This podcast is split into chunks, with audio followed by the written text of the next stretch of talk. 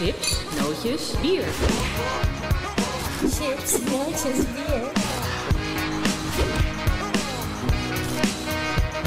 Chips, nootjes, bier. Goedenavond, het is 7 januari. Gelukkig nieuwjaar allemaal. De enige kroeg die open mag in Nederland is geopend. Wederom, na twee weken stilte, de chips, nootjes en bierkroeg. En dames en heren, we gaan het de hele avond over Amerika hebben. Vooral wat er gisteren is gebeurd. Want dan was het ook tijd voor chips, nootjes, bier. Je kon ervoor gaan klaarzitten. Het was echt werkelijk waar een bonanza van je wels. Ik wist niet wat ik zag. We gaan die avond doornemen met niemand minder columnist van het Parool. En eigenlijk vaste stamgast hier in de bar. Want als je de USA Election Night meerekent. En de vorige keer is hij voor de derde keer terug aan de chips, nootjes, biertafel. Of bar. Theo de Holman. Ja, dankjewel. U noemt zichzelf altijd op twee na uh, minst interessante gast van Nederland. Ja. Daar zijn wij het pertinent mee oneens. dus ik ben nou de minst interessante. Op, op één na. Ja, die is er, mijn collega die ook de, die de saaiste was, die is tijdens een live-uitzending doodgebleven. En, en niemand heeft het gemerkt. En niemand heeft het gemerkt. Ja. Het is heel vervelend. Ja. Maar- Tommy Cooper. Nee. Oh. Nou, ja. nee, nee, het is onlangs gebeurd. Ik moet erover zwijgen, want dat wil zijn familie liever Oké, dan gaan we het er zeker Nou niet ja, over goed, hebben. Dat was heel naar. Is. Maar proost en nog gelukkig Je, nieuwjaar. krijgt, je krijgt echt zo wat te drinken. Oh. Geef me een klein momentje, dan eh, eh, degene die die wijn heeft betaald, moet ik ook nog eventjes aan het Zeker, dat is de belangrijkste. Oh, dames en heren, gaat u er maar voor zitten, want hij bereidt zich al de hele dag voor, handen wrijvend, om vandaag hier zijn mening over te geven en te duiden wat er gisteren allemaal gebeurd is. Dus we gaan zeker richting de twee uur vanavond het uitzending duren. Dames en heren, de man die de alle rekeningen betaalt, mijn favoriete opdrachtgever, Bart Nijman, alias Van Rossum. Hallo, Tom. Ja, goed dat je er weer bent. Ik, Ik heb je twee voor- weken gemist. Ja, beste wensen nog. Mag het nog? Nog net, hè? Beste Nog wensen, net. beste wensen. Wil je wat drinken, Bart? Ik, eh, ja, ik, ik wil zo'n laf 0.0'tje. Dat gaat niet gebeuren. Neem maar een glas water. Nou, ja, dat Waarom is- zit je aan de 0.0? Toch Omdat niet, ik- niet eh, Gay January? eh? Nou ja, een beetje misschien. Ik weet het niet. Zitten vrouw thuis kijkt mee mee. te kijken? Ja, Eh, thuis zitten ze mee. God, ik word heb in de nou gaten gehouden. afgesproken? Ik heb voor jou wat lekkers, Theodor. Ah, ik ben heel benieuwd. Hoe was je kerst?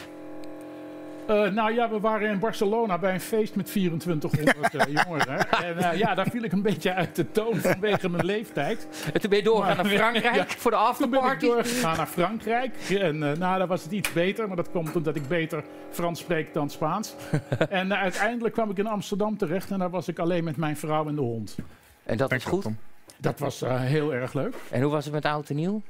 Eh, nou, dat hebben we gevierd eh, ergens eh, waar allemaal karbiet werd afgeschoten. En eh daarom ben ik toch maar weer heel snel teruggegaan weer naar Amsterdam. En daar hebben we ook met zijn vrouw gewoon weer geproost met champagne. En... Want in een, in, een, Oliebollen. in een hotel zonder ramen slaapt het niet zo lekker. Nee, nee. Heb je je Joep zitten kijken? Ja, heb je zitten kijken? Ja, en? Nou ja, het, het, het viel me mee, moet ik eerlijk zeggen. Ja. Nee, ja, ik, ik heb er wel eens heel streng geweest tegenover Joep. En ik vond het een beetje ouderwets. Dat wel. Hè? En, eh, het was Joep is toch wel een voor- beetje ouderwets? De Ja, beste man is maar ja, ik heb me 70. wel... eh, ik moest soms wel eens grinniken. Ginnikes. Grinnikes. Maar Bulderlag eh, nog niet... eh, Nee, nee, nee, nee. Weet je, grinniken. Nee. Wat vond ik nou nog... Ik, ik heb trouwens... Nee. Dat is heel wat aan het einde van 2020 dat je nog kan grinniken. Ja, dat, nou ja, precies, weet je wel. Ik- hij zat alleen de hele tijd aan zijn bril. Ja, dat, hoor- dat hoorde ik ook, ja. En dat, eh, eh, maar ik vond het, ja, vond het best eh, aan, aanvaardbaar. Nou, wij, hebben, wij hadden hier ook een live show. Dus er zat er heel iemand anders op die kruk. Ik heb hem gedesinfecteerd. Fabiola zat er in heel weinig kleren. Fabiola, Ja, ja. Wie is dat in Ja, dat is een mevrouw uit Temptation Island met vrij grote borsten en een vrij grote billenpartij. Hele lieve meid. Je, heb je een account op OnlyFans? Nee, Nee, nee oké. dat had gekund. Dat, had gekund. Is dat waar je Ferry Doedens ook... eh, dat is van, eh, van inderdaad goede tijden, stijve tijden. Ferry Doedens. Ja, inderdaad. Ja, denk- vroeger had je een Fabiola, die kleedde zich altijd, die is dood. Oh. Dat was iemand die, was echt een Ja, Amsterdamse bezienswaardigheid. Die Oh, ja. zich er altijd in. Het was een soort kerstboom die voorbij ja, kwam. Ja, ja. ik vond dat wel heel erg leuk. ja, ja. Heel erg leuk. Goede man, eh, u heeft wat met Ja. Italië, dus ik heb een Italiaans Ja. wijn meegemaakt. En dan ga je misschien gelijk teleurstellend reageren. Chianti. Denk je, mandjes, slechte pizzeria, gilde poster. nee, nee, nee. Deze man, eh, uit mijn hoofd heet hij Paolo Di Marci, is Ja. al 15, 20 jaar bezig Chianti weer op de kaart te zetten. Ja, Dit ga je lekker vinden, Ik ben heel benieuwd. alsjeblieft. Een van mijn, maar tussendoor, een van, een Ja? van de. eh, Proost. ik, Thierry en ik delen een held. wie Donald, dat Donald Trump? Mussolini? Dat is bijna in de buurt. Dat is Roger Scruton. Je hebt Oh ja. van gehoord. Mhm. En dat is een... Roger is eigenlijk een soort... Ja, cheers. Gezondheid. Vader van de nieuwe conservatieve richting in Engeland. Mhm. Zo, dus de hele eh, ontzettende leuke filosoof. Grappig, mooi, helder. Ik ben het niet altijd met hem eens, maar ja, wie ben ik? Maar die, wat ik zo leuk aan hem vind, het is ook een columnist. En hij schrijft over alles, maar hij schrijft erg leuk over wijn. En hij heeft een boek geschreven over wijn. Dat is een fantastisch boek. En dat heet I Drink, Therefore I Am. Ik drink dus ik ben. Ja, en dat ook I, I, I am, therefore I drink natuurlijk. ja. En dat is echt ontzettend leuk. Als je van wijn houdt en een beetje eh, filosofie en zo. Voor wie dacht dat we het over Amerika gingen hebben, zometeen komt Ilja Gort en dan eh, neemt... Ja, eh, ja. Nou, Ga ik weg? Scruton, en Trump kan ik feilloos met elkaar in verbinding brengen als het moet.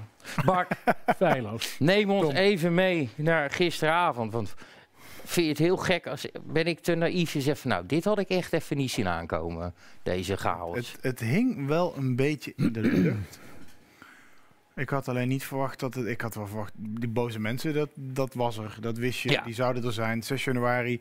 Gisteren zou de, eh, presi- het presidentschap van Biden beklonken worden, officieel gemaakt worden. Ja. er zou nog gediscussieerd worden in het congres onder leiding van Mike Pence, onder leiding van de vicepremier, vicepresident, sorry. Eh, over de contested states, Arizona onder andere, Georgia, daar zou gerommeld zijn met stemuitslagen. Daar was gedoe over, er zijn geen bewijzen voor. Er zijn wat anekdotes, eh, maar er is geen hard bewijs. Er zou over gesproken worden, dan zou er besloten worden, Biden heeft gewonnen. Daar zou het uiteindelijk naartoe gaan. Trump hield nog één rally, eh, eigenlijk voor de deuren van het Capitool. Eh, op de National Mall ergens. En eh, waarin hij nog één keer zijn achterban probeerde op te roepen van jongens, we hebben wel gewonnen, er wordt van ons gestolen. eh, in de hoop dat dat de, Republikeinen zou doen draaien. De la- de, om een meerderheid te houden dat de, de, de stemmingen, verkiezing verworpen kon worden. Eh, Mike Pence stuurde tijdens de toespraak van Trump een brief uit waarin hij zei, nou, ik ga hier mooi niet aan meedoen. Eh, Biden heeft gewonnen en eh, eh, ik, heb, That's ik heb mijn trouw aan het Amerikaanse volk beloofd en niet Ja. aan Donald Trump. Zo stond er in niet zoveel woorden. En eh, na afloop van die rally ging dus eh, het publiek naar het Capitool. En die gingen, eh, nou ja, en waren er een aantal bij die dachten, we gaan het zelf wel even regelen. Om het eh, e- even terug te blikken heb ik een eh, kleine... ja, jij, jij hebt flink zitten monteren, hè? Ik heb zitten sleutelen in wat filmpjes en eh, ik heb een eh, stukje van, dat begint met het einde van de toespraak van Trump, waarin hij letterlijk zegt, we're gonna go down Pennsylvania Ja, Avenue. laat Ja, het zien anders. Waar, ja, maar de, de- om even te zeggen, Pennsylvania Avenue is waar eh, het Witte Huis staat. Als je dat afwandelt, dan kom je bij het Capitool. En Ja. eh, hij roept mensen op om daar naartoe te gaan. Daar begint het mee. Dus hij roept het wel. Enfin, zet maar aan. Dames en heren, we hebben wat verschillende, heel veel instartjes vandaag. En dit is even een korte, snelle samenvatting in een minuut of drie van wat er gisteravond gebeurde. Maar er komt straks nog veel meer. Instartje 1, alsjeblieft. Fight like hell. And if you don't fight like hell, you're not going to have a country anymore. Our exciting adventures and boldest endeavors have not yet begun. My fellow Americans, for our movement, for our children, and for our beloved country. And I say this despite all that's happened, the best is yet to come. So we're going to we're going to walk down Pennsylvania Avenue. I love Pennsylvania Avenue. And we're going to the Capitol and we're going to try and give the kind of pride and boldness that they need to take back our country. So let's walk down Pennsylvania Avenue. I want to thank you all. God bless you and God bless America. Thank you all for being here. This is incredible. Thank you very much. Listen to me. Listen to me. We're not Antifa. We're not BLM. You're amazing. I love you. Let's march around to the other side. And let's not fight the police and give the system what they want.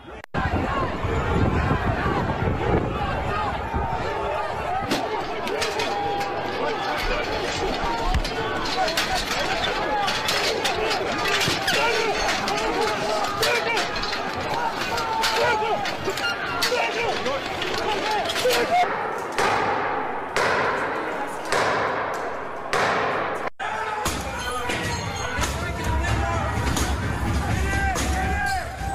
We'll pause. Protesters are in the building. Thank you. There wasn't anything you said.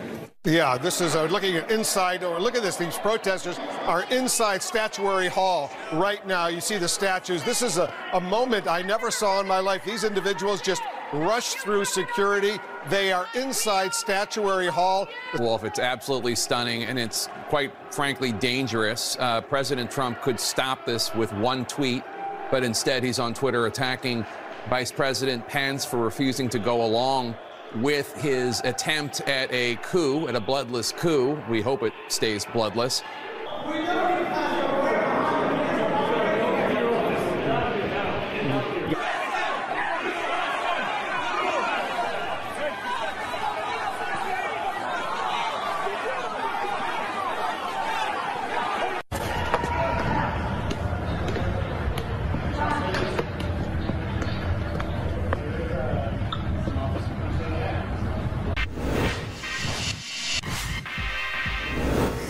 Nou, u- dacht, ik zit naar een schoolreisje te kijken... die eh, eh, een rondleiding krijgen hoe het eraan toe gaat... de democratie van Amerika. Nee, dit zijn mensen die het niet eens waren eh, met hoe het eraan toe ging gisteren. En eh, ja, werden ze nou opgeroepen door Trump om daar naartoe te gaan of niet? Nou ja, die laatste woorden van die toespraak kun je wel als een soort startschot zien, denk ik. Van, we're gonna walk down Pennsylvania. Hij zegt niet, we gaan daar naar binnen en de boel op stel te zetten. Maar ja, als je die eer, de eerste stap zet, dan...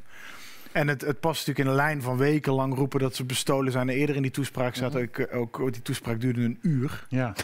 En eh, hij was eigenlijk staat voor staat het opnoemen waar hij gewonnen had en waarom. En wat er niet klopte. En dat ze bestolen waren. En dat de democraten altijd liegen. En dat ze eigen partijgenoten slappe ruggengraat hebben. verhaal wat we eigenlijk al weken horen. Ja, het ging over Trump, Trump, Trump. En hij probeerde dan af en toe zei hij, ja, jullie worden bestolen, jullie worden bestolen. Maar het was Trump, Trump, Trump. Het ging alleen maar over hem. Ja, De- maar dat is, dat is vier jaar lang zo. nou ja, de- op de dag dat de, de, de, de, de Senaat is gezwaaid in het voordeel van de Democraten. En dat komt omdat in Georgia twee Republikeinen hun stoel zijn kwijtgeraakt. En ik denk dat dat toch echt wel mede komt door het feit dat Trump zo bleef hameren op dat hij daar eh, die recount wilde en dat daar de meeste fraude was gepleegd. En de Democraten hebben daar gewoon betere campagne gevoerd. En Republikeinse stemmers zijn uit schaamte een beetje thuisgebleven. Nou, laat maar zitten.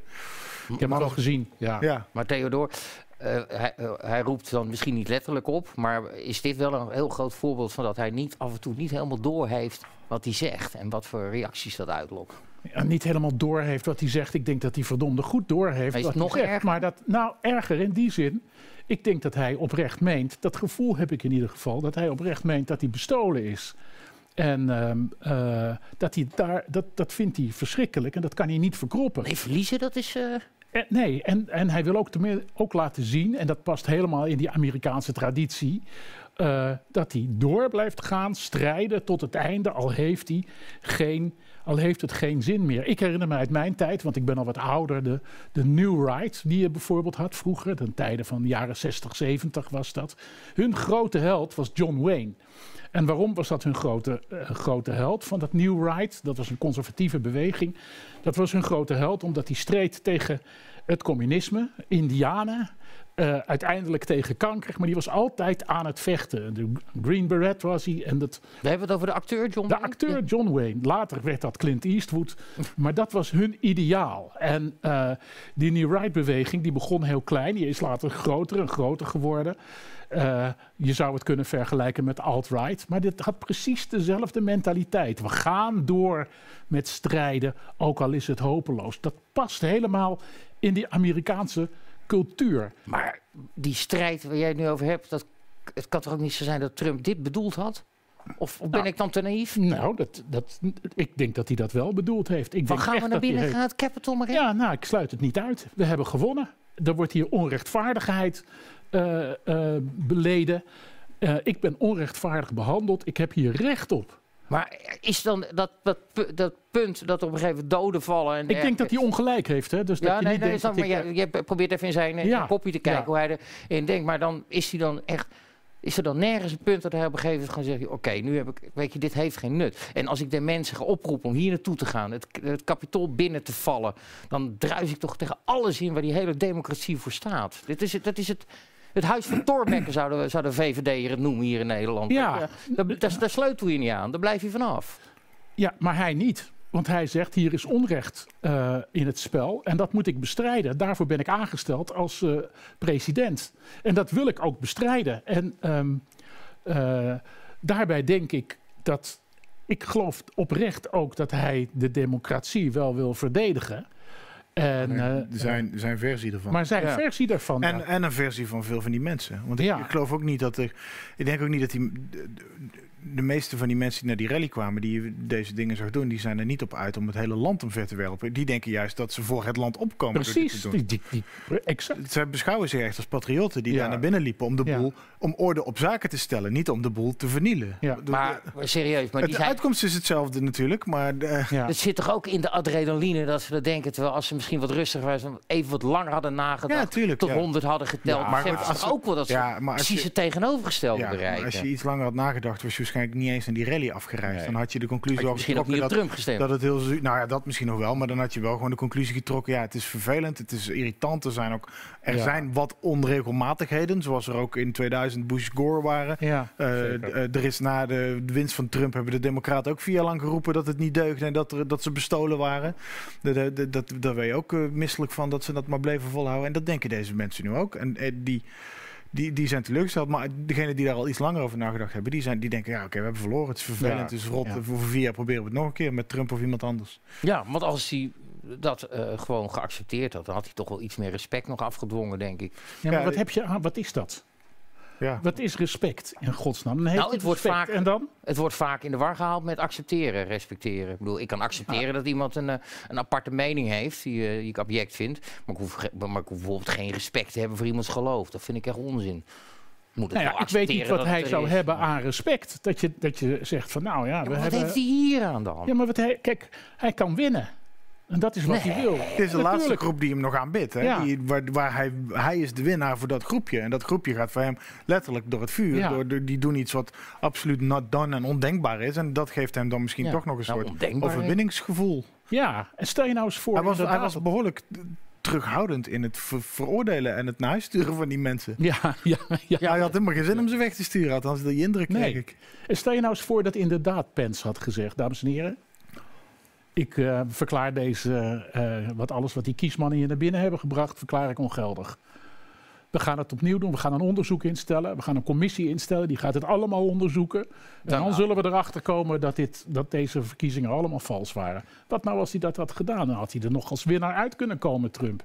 Hij vecht gewoon tot het allerlaatste moment. En dat kunnen wij wel raar en idioot vinden. En ja, Mm. pathetisch. En zeggen van hij is gestoord. En eh, ja, ik, ik vind dat niet zo gestoord. Als je de hele Amerikaanse cultuur eh, begrijpt. Er is bijna niet één film op te noemen met eh, Amerikaanse held die niet tot het einde toe en tegen beter weten in eh doorstrijdt. Alle Amerikaanse films zijn wat dat betreft lijken wel over republikeinen te gaan.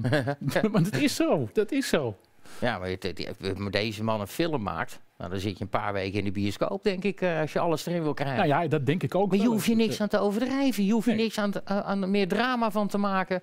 Dit, dit heeft zichzelf al geschreven. Wie moet hem spelen? Jij. Nee, ja. ja Die Engels is niet zo goed. Maar, wie nee, ik heb, geen idee wie hem, ik heb geen idee wie je moet spelen. Het is, het is te veel. Je kan er alleen een documentaire van maken, niet een film. Je kan bij een film, je kan daar niet overheen. Nee, eigenlijk niet. Waarom Nee. zou je? Het plak gewoon een fragment Precies. achter elkaar. En, eh, Ja, Er staat al een hele goede eh, documentaire over zijn leven op eh, Netflix. Over zijn, met Ja. name zijn tijd als Ja. vastgoedman in New York. Precies, over zijn heb ik gezien, larger-than-life presence daar. En dat, die is, dat is een aanrader. Die, is, eh, die leert Ja. je wel het een en het ander over de man. Ook over de, zijn sympathieke kant. Hij was ook gewoon, ik bedoel, het, was een, het is een boef, het is een vastgoedboef. ja. Maar wel eentje die, die, die wel een soort taal van het volk spreekt. Op een manier die ook best wel vaak sympathiek is en was. Hij was Ja. hij zat in die tijd, is ook natuurlijk al heel vaak besproken, maar hij zat bij Oprah destijds eh, Ja, in de jaren ja. tachtig. En die vroeg hem toen al van, ga je ooit president worden? In, bijna, ja, maar hij heeft op een bijna hoopvolle wijze. Van, meneer Trump, wanneer gaat u meedoen? Oh ja, hij zat ook gewoon bij Letterman en dat soort gasten. En toen vonden ze allemaal grappige zaken, man. En eh, ja, dat, En hij zei ook, toen zei hij ook, ja, toen had hij dezelfde retoriek, korte afgemeten zinnen, waarin die grote problemen tot, tot ja. duidelijke oplossing reduceert. Maar wel allemaal op een, op een manier die altijd binnen, de, binnen redelijke en logische waarden bleef. Nou ja, dat vind ik wel het wonderlijke aan hem. Kijk, hij is een, een zakenman, een goede zakenman. Hij is eh, eh, binnen, al wordt dat betwijfeld. Hè, want hij zou eh, heel veel schulden hebben. Maar ja, goed, dat weet ik niet. Maar zijn betrokkenheid, waar komt dat uit voort? Waarom wil hij een rol spelen in de Amerikaanse politiek? Dat vind ik nog wonder. Hem alleen een narcist noemen zou tekort doen aan het feit dat hij dat narcisme soort van in dienst stelt van het land. Ja, precies. Daar- Tenzij je het weer zo ver over de top trekt dat je zegt, ja, maar zijn narcisme is zo groot, hij denkt dat hij het land is. Ja, Maar dat denk ik niet. Of maar dat hij dat alleen hij, kan doen. dat hij wel, eh, eh, dat heb ik natuurlijk in de afgelopen vier jaar ook wel gezien, eh, zich als zakenman ook wel heel erg druk maakte. eh, en ook zelf geld zag verdwijnen door al die bedrijven die naar China gingen. Nou, die, Ja. dat, heeft hij, dat heeft hij toch wel weer aardig opgepakt. Hè? De, Ja. economie is wel weer gaan draaien daar. Ja, dat heeft En hij dat zeker. heeft ook voor hem zelf, als, als, met zijn zakenimperium natuurlijk nut. En, en een, eh, wat, uh, uh, als we Ja. toch dat sprongetje naar buitenland maken, dat, die, dat hij echt de middelvinger opstak naar China, Ja. dat is denk ik internationaal gezien een verademing. ja. Want de, de, de manier, EU heeft deze week, vorige week weer een deal gesloten met de Chinezen, even tussen kerst en oud en nieuw er doorheen gerommeld. Waarvan zelfs de Biden-administratie, toch ook niet de, de grootste hardliners die we kunnen verwachten de komende jaren, of maanden, zolang hij nog leeft. eh, waarvan die zelfs gezegd hebben: van waarom heb je dit nou weer gedaan? Had even op ons gewacht. Wij Ja. hebben hier ook nog wel Ja. wat kritiekpuntjes op. Ja. En Trump zei gewoon van ja, we gaan niet slapende wijs toekijken hoe China gewoon ons eh, wegduwt als wereldmacht en zelf eh grijnzend de touwtjes overneemt op, eh, op het internationaal toneel. En dat heeft Ja. Trump best wel goed gedaan. En daarmee heeft hij een base gecreëerd, in ieder geval in de VS, maar ook internationaal best wel wat, zeker op rechts, wat, wat fans en volgers. Eh, ook in Nederland is er een, is er een soort Trump-base. Omdat hij appelleert aan, we houden dingen in eigen huis. We Ja. gaan het zelf weer Ja. maken. We kunnen dit zelf. En Ja. oh ja, ik heb nu ook weer een baan en inkomen. Dankzij die gekke Donald die misschien wel onrendabele bedrijfstakken als staal en kolen eh, toch laat draaien. Of auto-industrie toch wil laten draaien. Om, om de gewone man ook een baan te geven. Want niet iedereen kan chips developen of software maken. Nee. Of iets hips doen met een, met een moeilijke bril in, aan, de, Ja. aan de Amerikaanse westkust voor een grote techfirma. Duidelijk. Wel, laten we even teruggaan naar gisteravond. Want, eh, daar ging, want eh, dit gebeurde eh, nog eh, eh, redelijk in het begin van de avond. Ze stonden dat kapitool binnen. Dan gaat het er vrij hard aan toe. Eh, eh, neem ons eens nog even mee in hoe het, wat, wat er verder gebeurt daar. Nou, nou, vrij hard aan toe. Ik vond het dus eigenlijk best wel.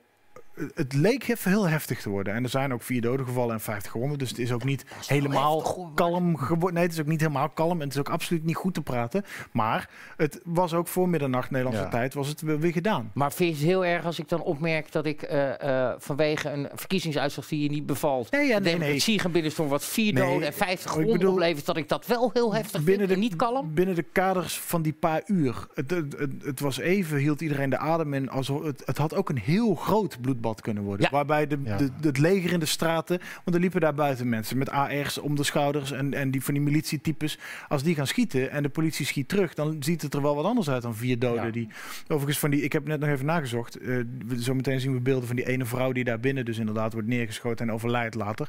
Die andere drie waren.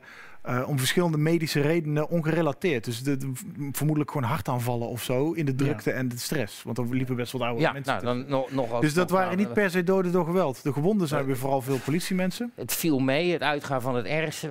Vier doden en 50 gewonden, Theodor. Nou ja, ik vond dat het. Ik bedoel, dus te zeggen, ik, ik zeg niet dat het niet erg is. Ik bedoel vooral Nee, dat, dat het, snap ik, maar- dat het, het had zoveel erger kunnen worden. En het dimde vrij snel. En dat zag je mede al in die beelden op een gegeven moment. We zagen net die mensen die door die Statuary Hall liepen. Die bleven binnen die afzetlinten voornamelijk. Binnen Ja. die, die, Ja. die Ja. rope lines. en nog steeds vier doden.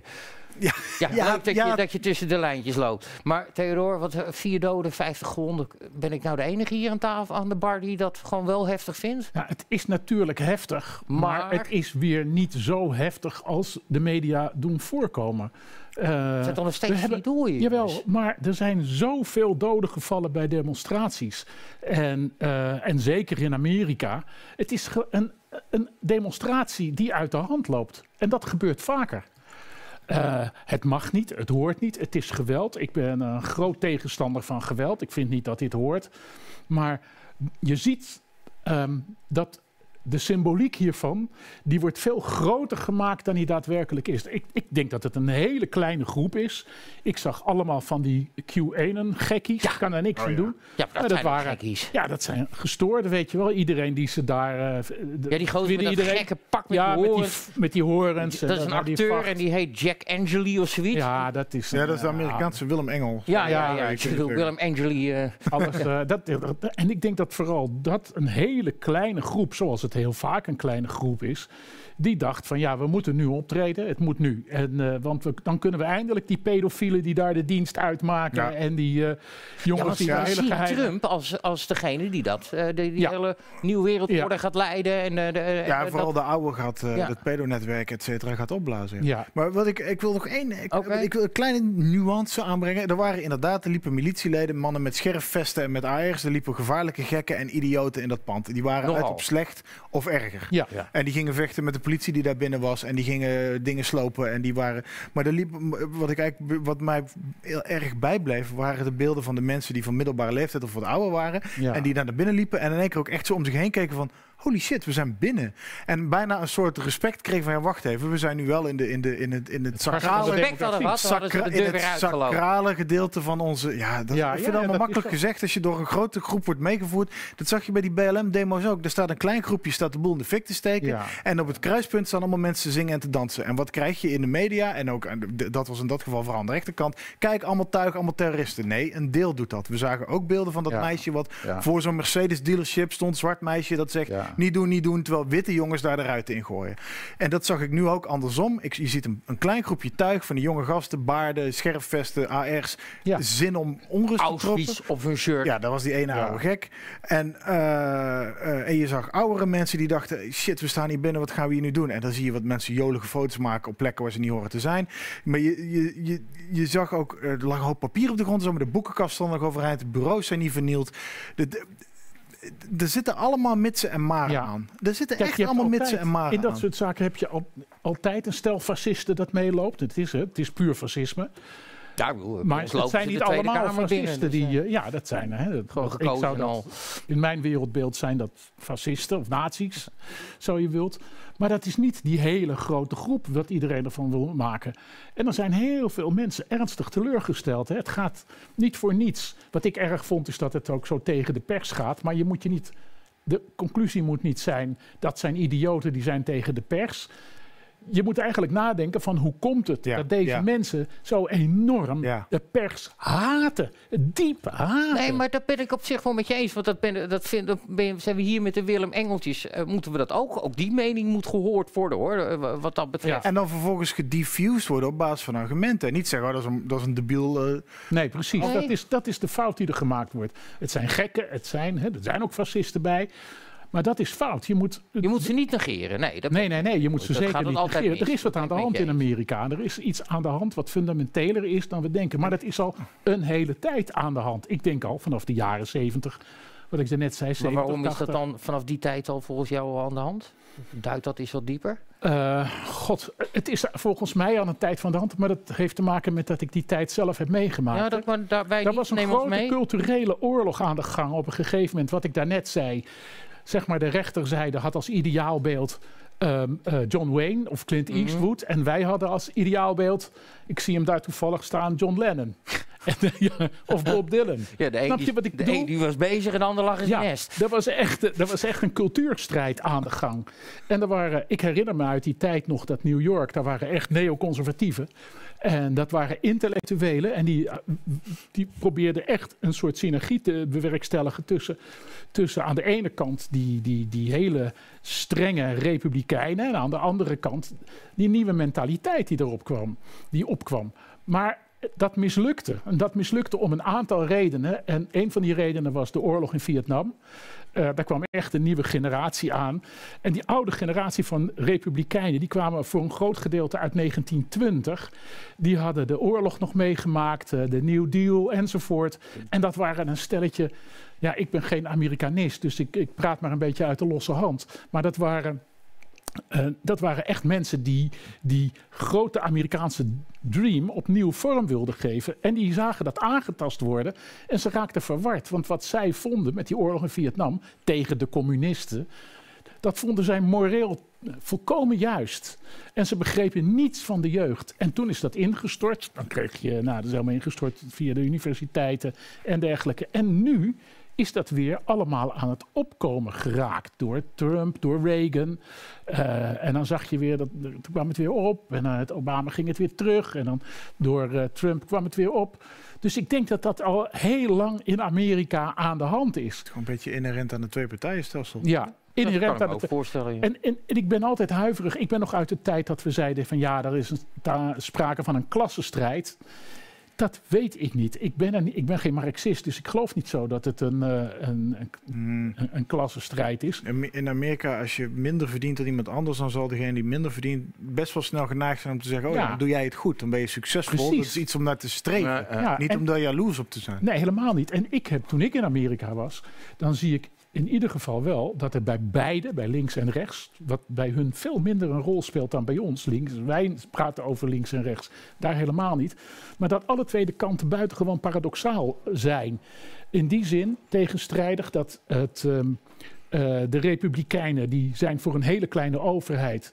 Maar tot het moment dat ze bijvoorbeeld voor de auto-industrie eh, geld nodig hebben, dan willen ze heel graag hè, eh, geld van de overheid hebben. En omgekeerd, links, de Democraten zijn eveneens eh, enorm tegenstrijdig. De- eh, die willen een, enorme overheid. Maar zeker in de culturele sector, als het daar niet lukt, dan willen ze ook heel graag eh, zelf geld verdienen, rijk worden, wat minder belasting betalen. Er heerst bij beide, en dat is ook wel typisch Amerikaans, zijn ze alle twee bijzonder paradoxaal. En die hele samenleving is ook een stuk populistischer ingericht Ja. dan de onze. Zeker, veel populistischer. Maar En ik denk dat dat te maken heeft waardoor je dit soort uitwassen krijgt. En dus ook met dat twee-partijenstelsel. Zeker, Ja. Eh, twee partijen. En ik denk dat het Ja, nu drie partijen Waarbij gaan al worden. die, al die senatoren, die congresleden, dat zijn allemaal, die zijn ook in zekere zin zelfdienend, want die moeten het zelf goed doen om herkozen te worden. Ja. Dus die, gaan, die zijn lobbygevoelig op Ja. persoonlijke titel, zeg maar. ja. Want die hebben geld nodig voor campagne. En Ja. die doen dan dus, degene die dat geld geeft, die willen dan ook nog wel eens een dienst verlenen. Ja, Ja. nou ja, Ja. enfin. Ja. Het, is, Ja. het systeem is ook behoorlijk gecorrumpeerd, denk ik, in Ja. Amerika. Meer dan bij ons.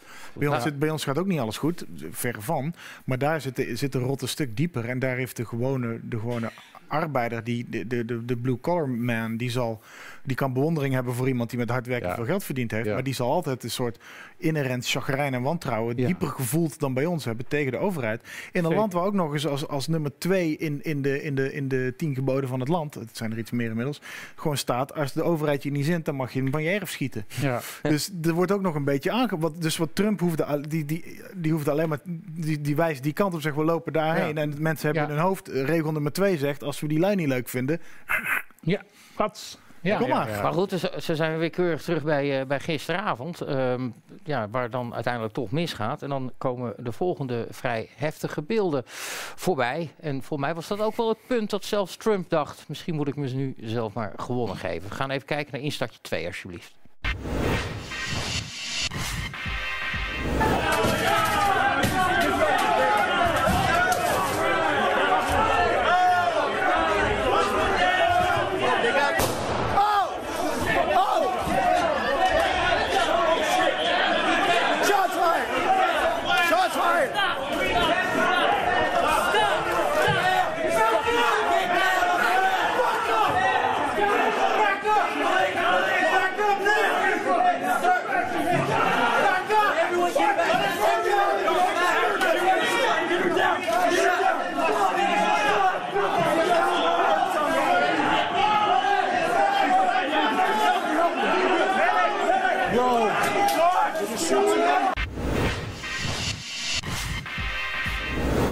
Ook heel belangrijk natuurlijk als er iemand dood ligt te gaan. Vooral filmen met je telefoontje. Ja, dus iedereen Ja, staat daar het met... is echt... Het is een jonge vrouw, Ja. Dert- Ja, in de dertig uit het leger, zo. een groot Trump-fan.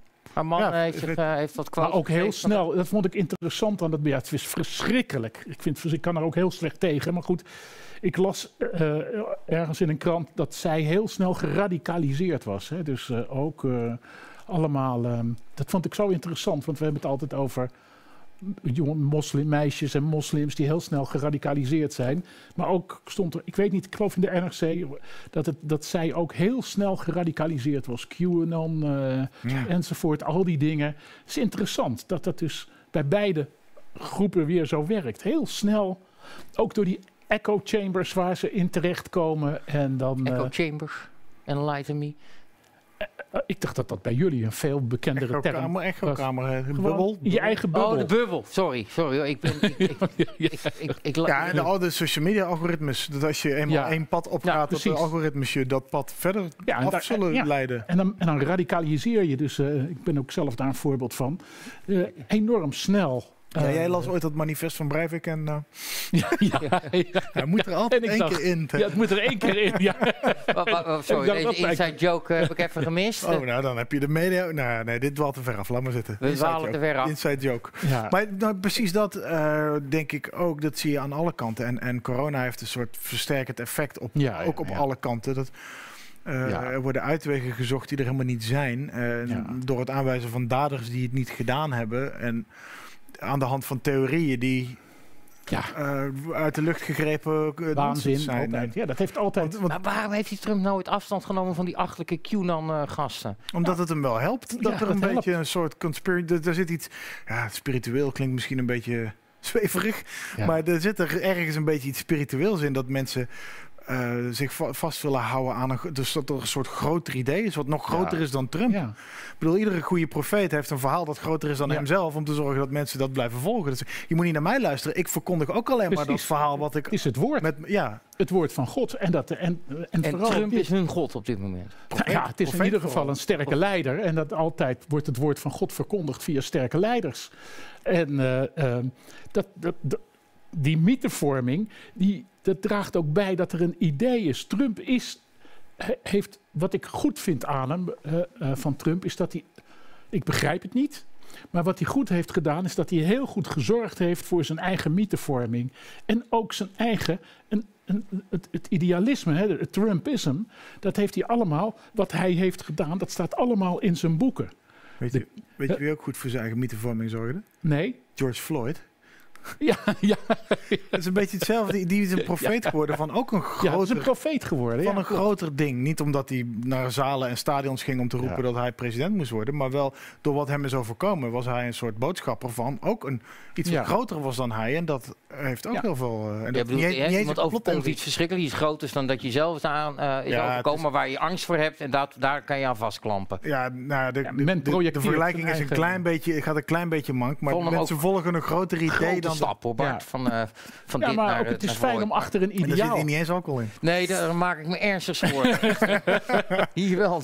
Het is fijn om achter een ideaal aan te lopen. En Trump heeft altijd er goed voor gezorgd dat hij de ideale verkondiger was van het Trumpisme.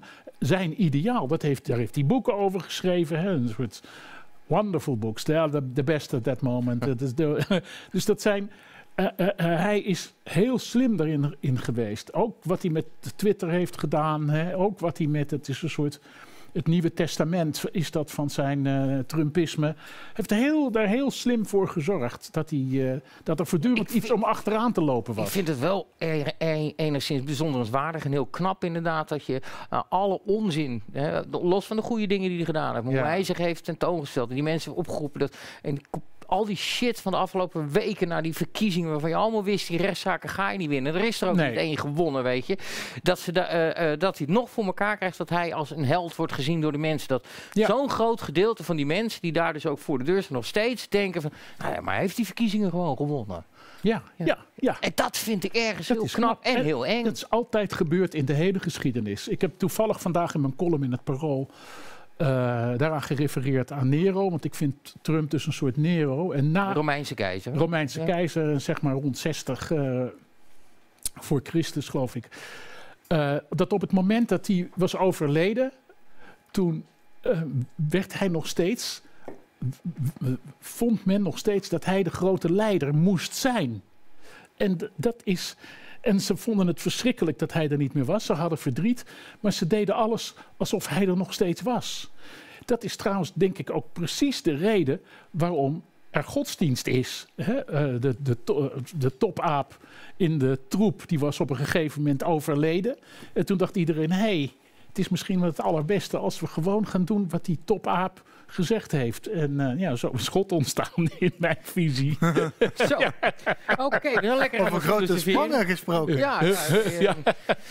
Nee, maar dat is fijn om in zijn idee voor te gaan. Dat is, dat, dat, daarom hebben mensen ook leiders ook discipelen. En daarom zie je dit ook gebeuren. Ik hou daar niet van. Ik ben tegen elke vorm van idealisme. Maar mensen houden en een haal vast. Zo erg verbaast het je toch niet dat als Trump heel hard roept dat hij gewonnen heeft, dat er dan mensen zijn die dat geloven. Als je nu, als je nu CNN aanzet of... of Nou, of, ja. of, het verbaast me dat hij het zo lang volhoudt en zoveel mensen erachteraan blijven lopen, tot Ja. letterlijk in het kapitool. Maar dat, maar dat zie je dus overal gebeuren. Want eh, dat zie je andersom bijvoorbeeld ook. Als je nu CNN aanzet of naar Dit is M gekeken hebt vanavond... dan, dan krijg je daar mensen die zeggen... nou, dit waren allemaal racistische, Ja, extreemrechtse Ja, protofascisten.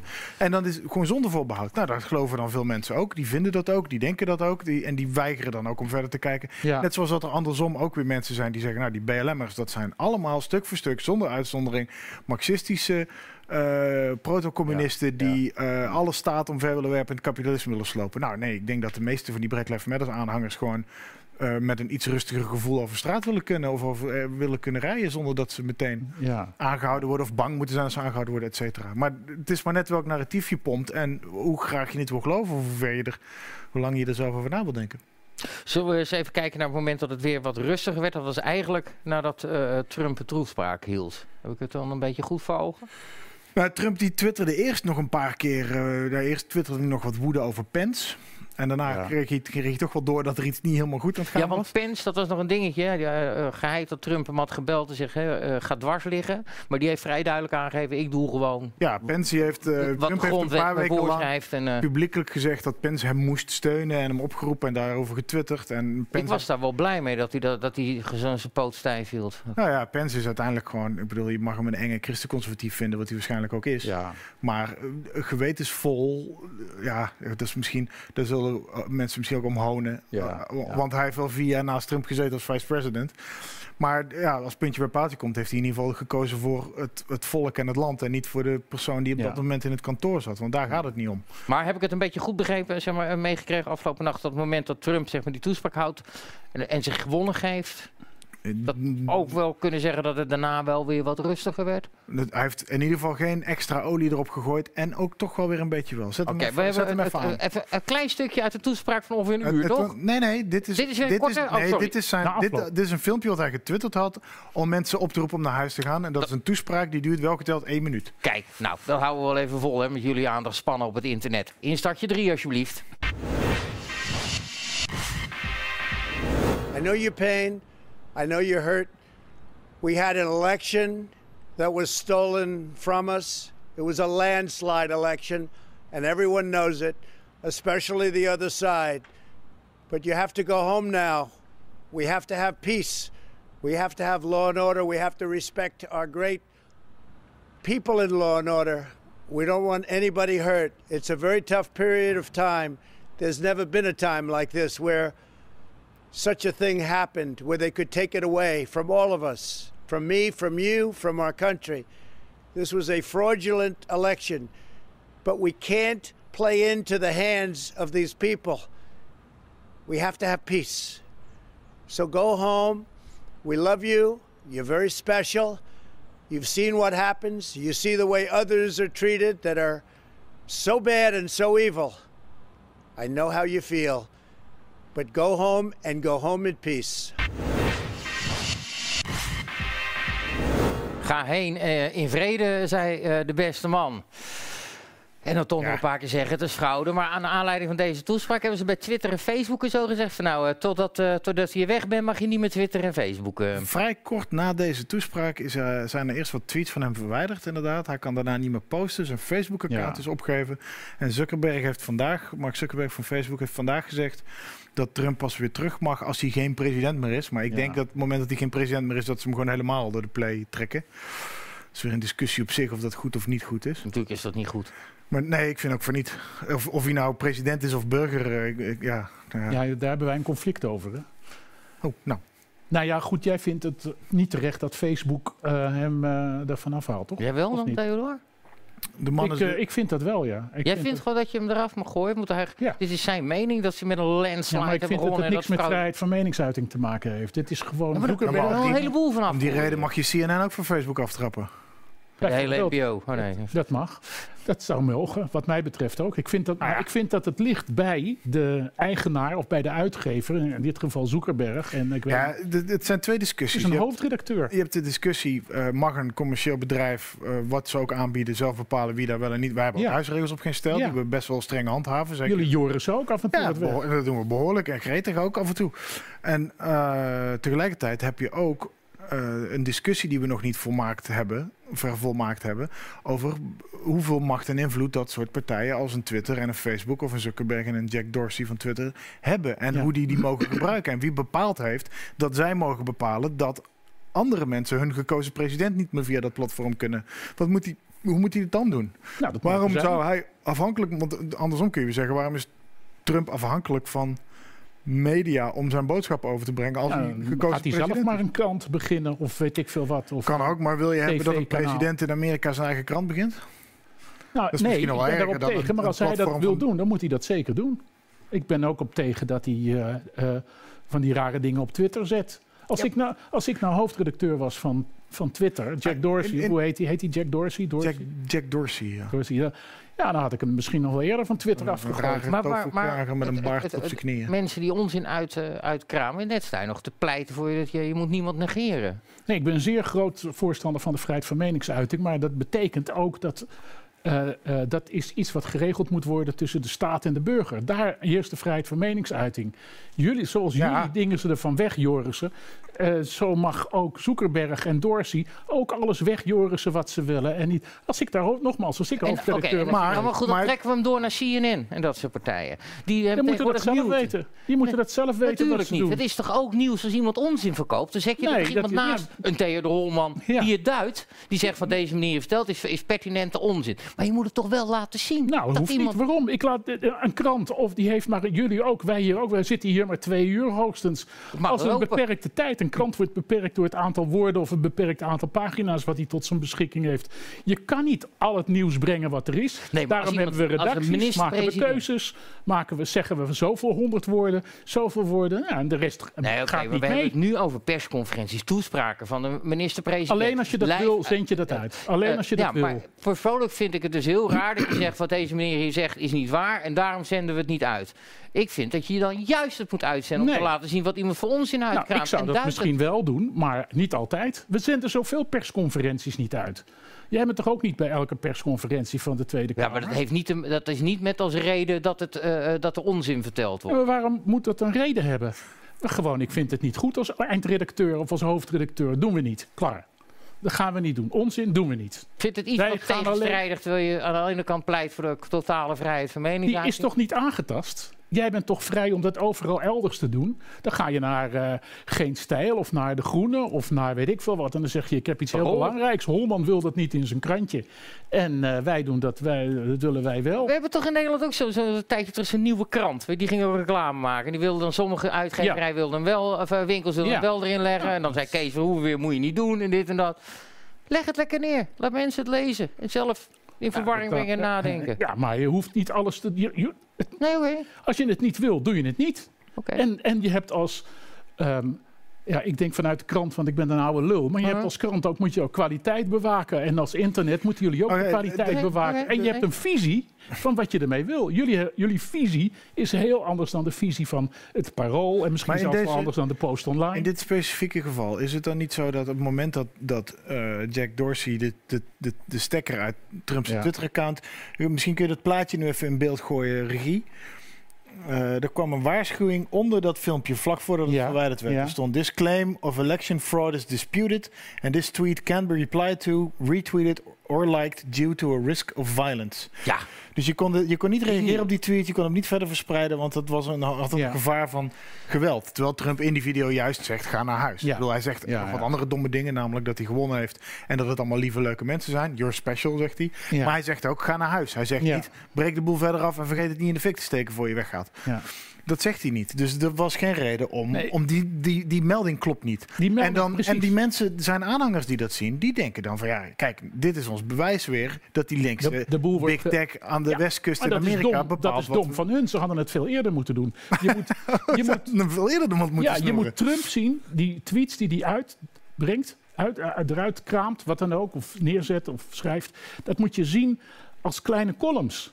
En, en die, die, die die brengt. Dat zijn kleine columns. En op een gegeven moment zegt de hoofdredacteur van Twitter: die zegt, ja, deze column gaat me te ver. En dat had hij misschien al eerder moeten doen, maar dat doet hij niet.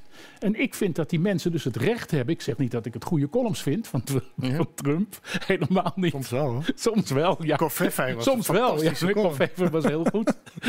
maar soms niet. Maar ik vind dat, dat, dat de eindredacteur of de hoofdredacteur... die mag zeggen van ja, nou nee, Oké, dat maar is oké, dan daar ga weg ik mee. één Heb keertje ik je er overtuigd? Nee, nog Ik niet. heb je niet Want de vorige overtuigd. keer hier aan de bar, het is niet met de eh, USA-avond, maar toen je gewoon als gast aan de bar zat. Toen hadden we het er ook nog over eh, dat je eh, onder andere door de heer Getracht was uit het parool geduwd worden. En dat wat je ook schreef, jouw hoofdredacteur, ook al was hij het met je oneens, altijd voor je opkwam en het mocht laten plaatsen. Zeker. Wat Eh, had je Ronald gedaan als hij het had geweigerd? Daar kan ik niets aan doen. Dan had je dat had ik dan- geaccepteerd en Ja, natuurlijk. nou, Wat moet ik dan doen? Dan was ik wel boos geweest. En weglopen en zeggen, joh, eh, ja, dit dat- is mijn vrijheid van mening. Hij heeft Ja. mijn column, mijn opinie. Maar hij heeft altijd voor jouw mening gestaan, ondanks dat hij er niet mee eens is was. toch niet tegenstrijdig met wat ik nou zeg? Nou, ik vind het een beetje verraar. Van, van Twitter zeg je, mag je dat wel beslissen blijkbaar. Maar Iedereen mag het- over mij gaan beslissen. Er zijn, dacht je dat over wat ik schreef bij het Parool? Dat de redactie daar altijd eh, instemmend... eh, nee, dat- natuurlijk niet. Nee. Daarom vind ik het zo, zo, zo bijzonderswaardig dat ze altijd het Ik ook. Voor, voor jouw mening staan. Ondanks Zeker. het, eh, dat ze het er niet mee Ja, eens zijn. nou, ik daar zie ben dat toch ook graag bij een eh, Jack Dorsey Ja, gebeuren. maar dat heeft te maken met de smaak van de hoofdredacteur. Die zegt, wij zijn niet alleen een paper of record. Dus we maken niet alleen een krant waarin we het nieuws zetten. Maar we zetten daar ook de verschillende meningen die we hebben tegenover elkaar. En we laten onze lezers uitmaken wat goed is en slecht. Dat is toch precies wat Twitter ook doet? Ja, maar op een gegeven moment ga, kan ik te ver gaan. En dan zegt de hoofdredacteur, stop. En op een gegeven moment, het is wel Maar- vaker maar gebeurd dat er Het effect, het effect wat je natuurlijk krijgt en wat je in bijna alle kranten en, en de mainstream media ziet, is dat alle tegengeluiden op hun eigen geluid, die zijn allemaal al weg of verkleind of gemarginaliseerd of in een hoekje gedrukt. En dat is precies een van de klachten die Trump heeft en die veel van zijn aanhang ook hebben. Zeker. En niet onterecht dat eh, bepaalde geluiden op bepaalde platforms, dus zeker op de grotere platforms, worden gemarginaliseerd. Of zelfs worden bespot of beschimpt of er wordt omlaag gezeken. Er wordt heel erg eh, naar beneden gekaagd door, eh, door heel veel mensen. En daar zijn, ze, daar zijn ze tegen. En als je dan Trump weghaalt, en dat is dan toevallig nog met nog een kleine twee weken te gaan de machtigste man ter wereld.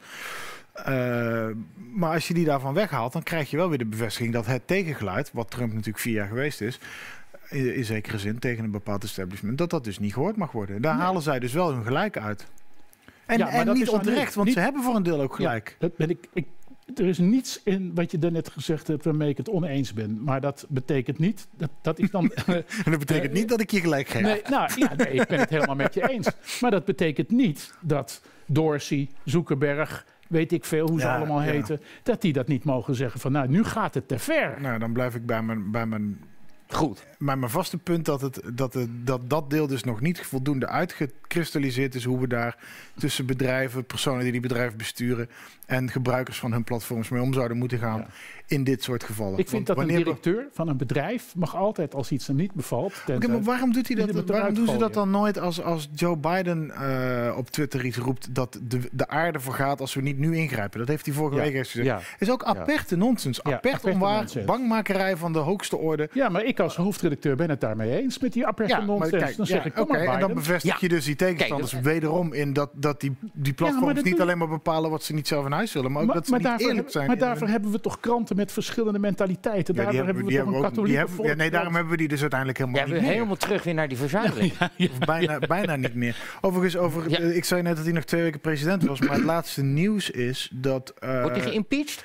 Nou, Chuck Schumer, eh, die, hele vervelende eh, opa, Ja. die had opgeroepen dat hij eh geremoved moest worden met de 25e amendement. Ja. En dat betekent dat de, de vicepresident kan hem ongeschikt voor office verklaren. En ook als de president ziek is of terminaal of whatever. Maar in, ook Ja. als hij Mhm. ongeschikt is en dan samen met wat andere mensen. Ik weet niet exact hoe het werkt. Maar in ieder geval kan Pence zeggen, dude, eh, het is mooi geweest. Jij bent niet Ja. meer geschikt Ja. om je functie uit te voeren. Wegwezen. Dan doet En- Pence het twee weken nog. En, dan... eh, Schumer en nu ook Pelosi, Nancy Pelosi, hebben gezegd eh, van ja, als, als die 25e niet ge, geïnvoked wordt door Pence, dan gaan, we- gaat de, de House of Representatives will move again on impeachment after what happened yesterday at the Capitol. Dus Ja. ze willen hem nog impeachen in die laatste 13 dagen van zijn presidentschap.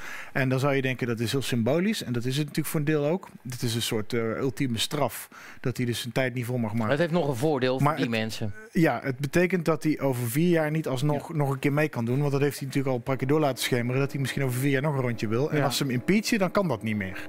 Dus ik denk, ik, ik zie dat best wel kansrijk eigenlijk. Ik zie het niet gebeuren dat hij over vier jaar alsnog mee Ja, zou ik doen. weet maar- niet of hij. Ik, ik, dat, dat, Dank u. ik weet niet of het kansrijk is.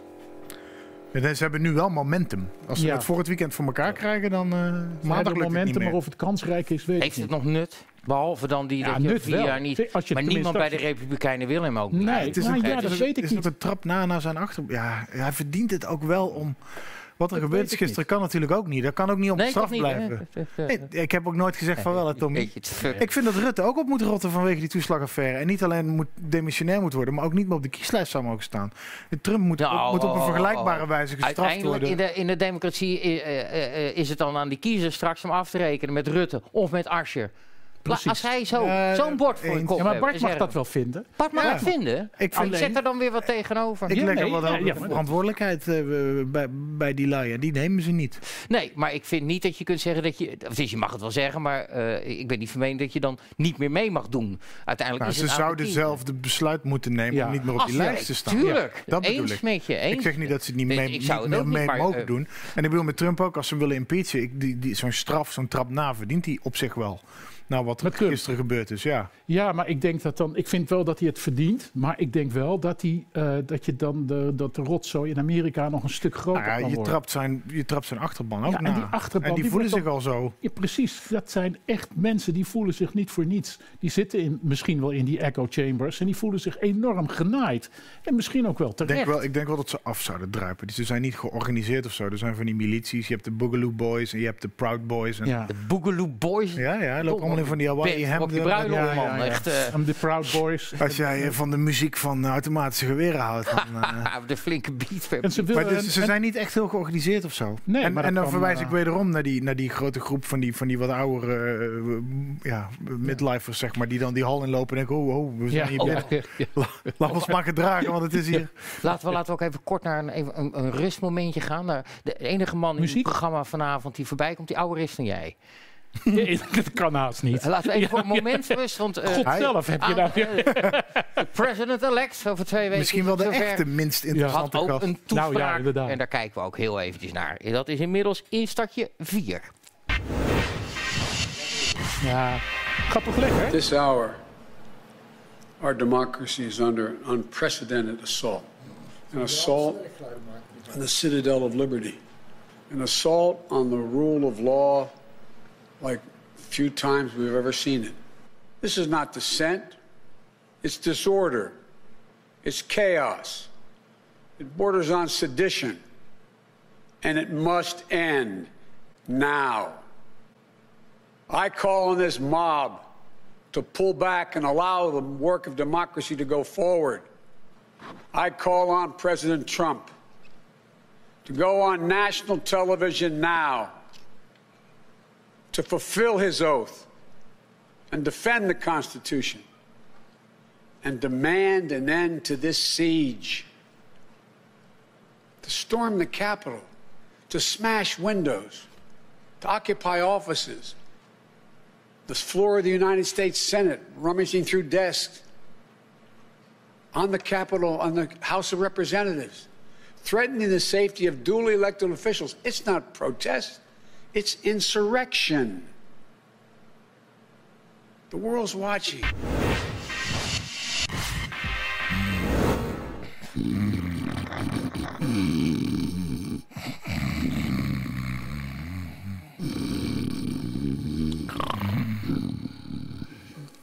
Oh, wacht even. Zo, we zijn er weer. Koffie? Ah, is het afgelopen? Jezus, wat hebben we naar zitten kijken? Nee, Bart, ik Ik, was eh, heel even een momentje van rust.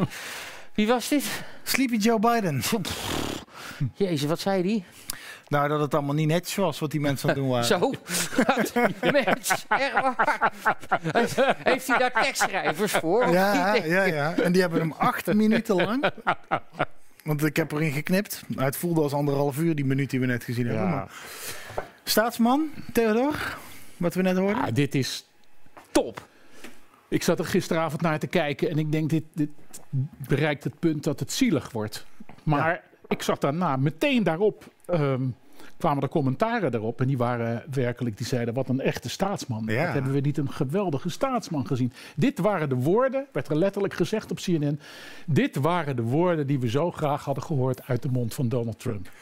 Toen dacht ik, ja, jezus, dat is echt... Dus ze hadden willen horen De lat ligt niet heel hoog, hè? Is dit inspirerend? Is Doe- dit dat de mensen weggaan? Wat is dit? Is dit een president die. die eh, dit is een aardige opa. Die ja, heel vriendelijk is. Ik denk. eh, Ja, maar laat hem niet bij je kleine kinderen. dat, zegt ze- dat zeggen ze bij QAnon ook. Ja, Sorry, Sorry te veel kapot te gelezen. Hij was makkelijk, maar hij is leuk. Echt, eh, Nee, maar dat is. Ik, ik vond het niet sterk. Ik vond het ja niks eigenlijk. Niks. Maar is Ja, dit, nee, dit ja. is dan ook de media die deze man natuurlijk op een schild hijst. Ja. En, ja, en helemaal wegzet tegenover die verschrikkelijke Trump. eh, allemaal weer de Ja, schuld de- van de media. De grootste asset Ja. van Joe Biden Ja. is dat hij niet Donald Trump is. Ja. ja. Ja.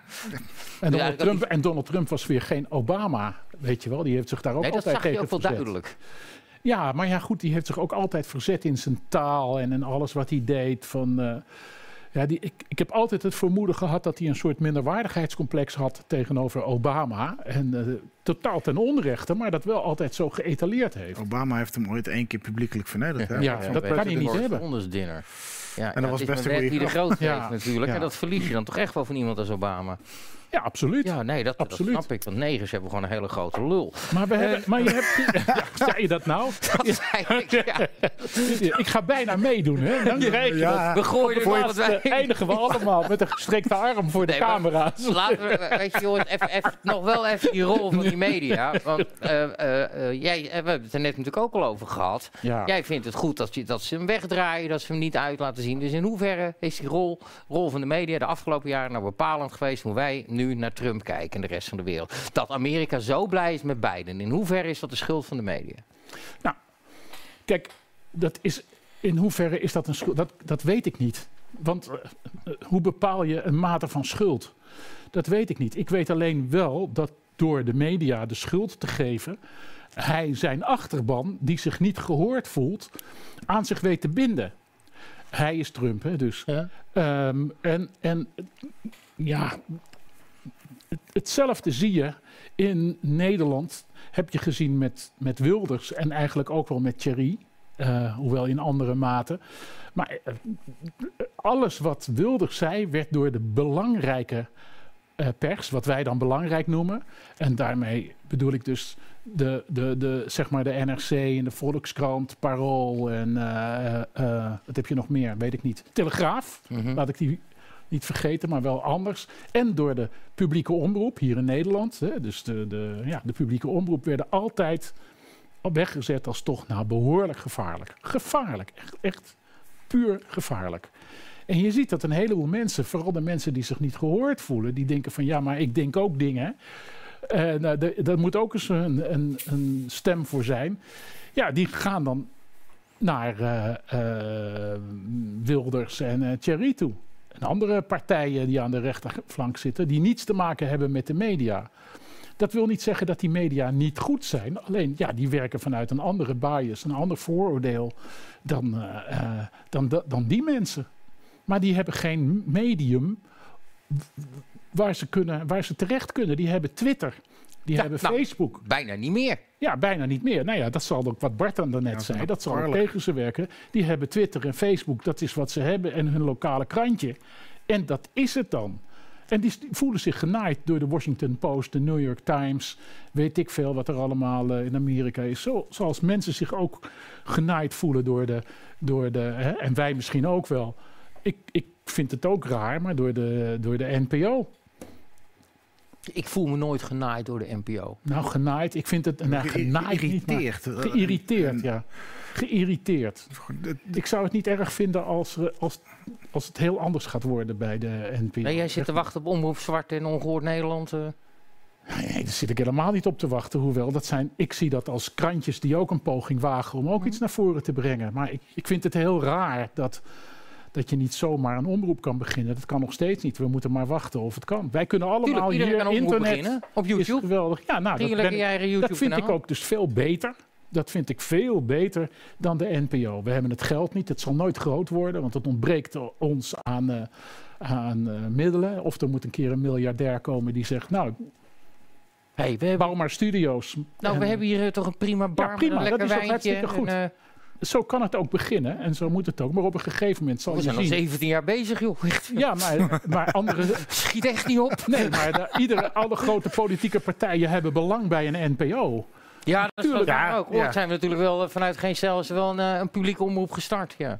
Ja, er is een publieke omroep gestart. en Ja, ze hebben er allemaal belang Laten we, bij. laten we dat nog eens in herinnering Nee, laten we, laten we, laten we Ja. die, die afslag niet nemen. Bart, maar jij, en, eh, hoe, jij als mediaman, eh, hoe, hoe kijk jij als er mediaman.